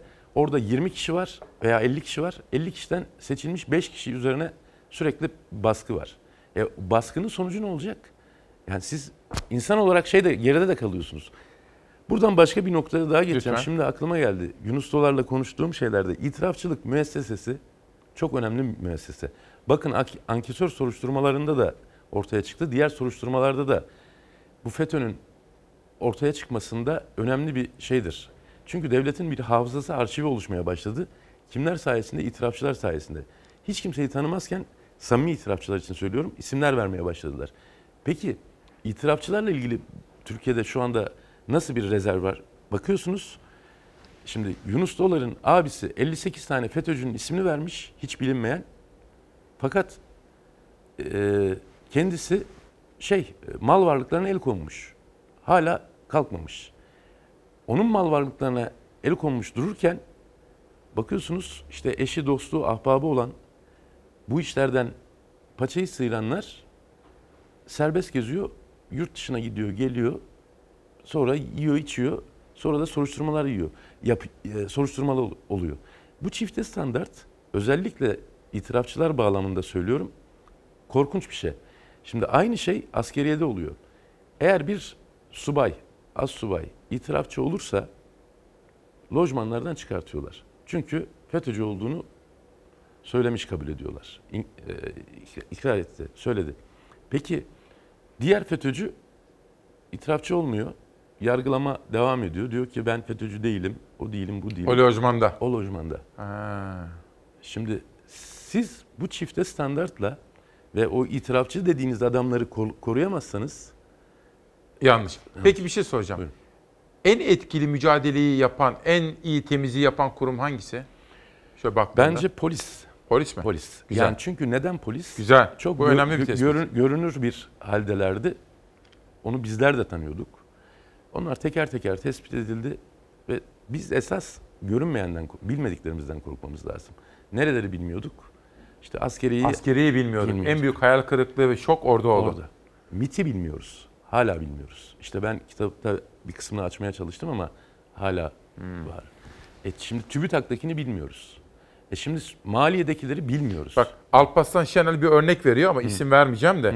Darbe gecesi tutuklanan bir belediye başkanı kurtarmak için özel uçakla Ankara'ya giden, Ankara'dan Tokat'a gidenler var diyor. Siyasi ayak diyor Hilmi Taşkın. Siyasi ayak. Siyasi ayak şimdi bak bakın siyasi ayağı konuşalım isim vererek konuşacağım.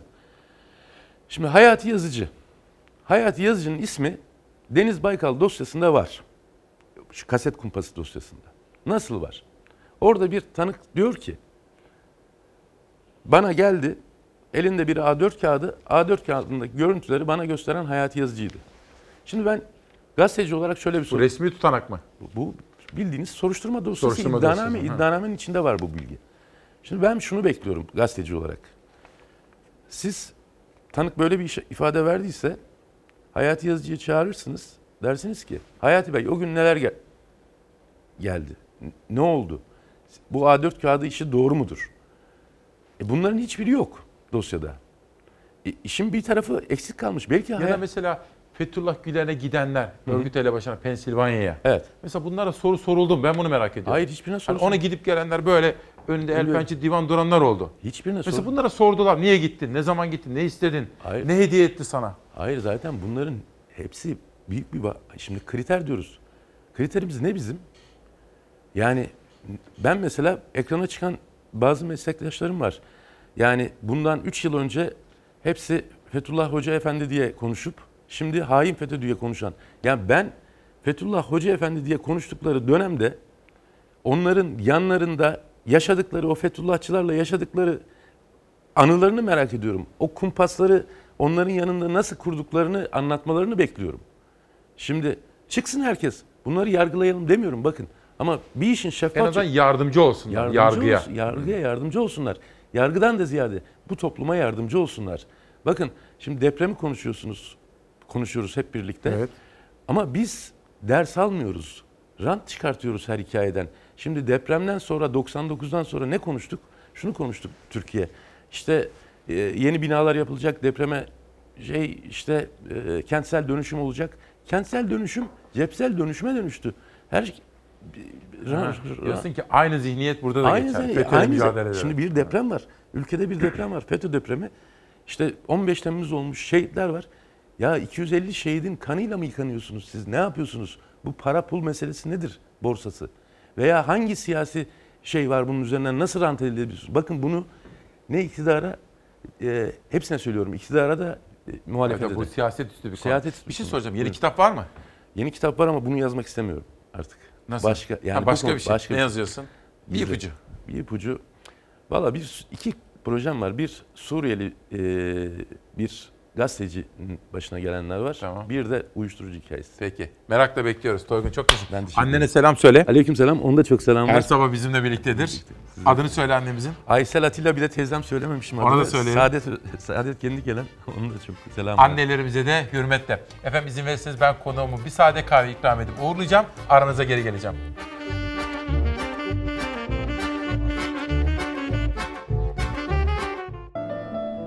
...2 Ekim 2019 günlerden çarşamba... ...İsmail Küçükkaya ile Hakikat Yolculuğunda... ...Türkiye'yi yormayın dedik. Siyasetten ekonomiye, spordan magazine... ...hayatın bütün alanlarında yolculuk yaptık... ...ve pek çok durakta yolculuğumuzu sürdürdük. Bugün de kitaplarla başlayacağız. Enver Palaşoğlu, Tarih, Hemşinler ve Ben derlemeler.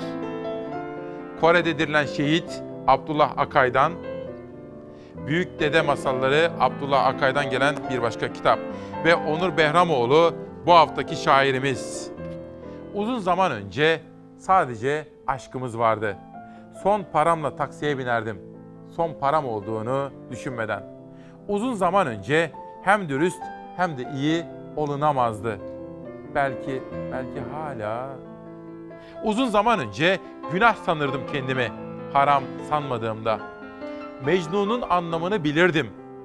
Kalp demek. Yar demekti Mecnun. Kanayıp duran yara.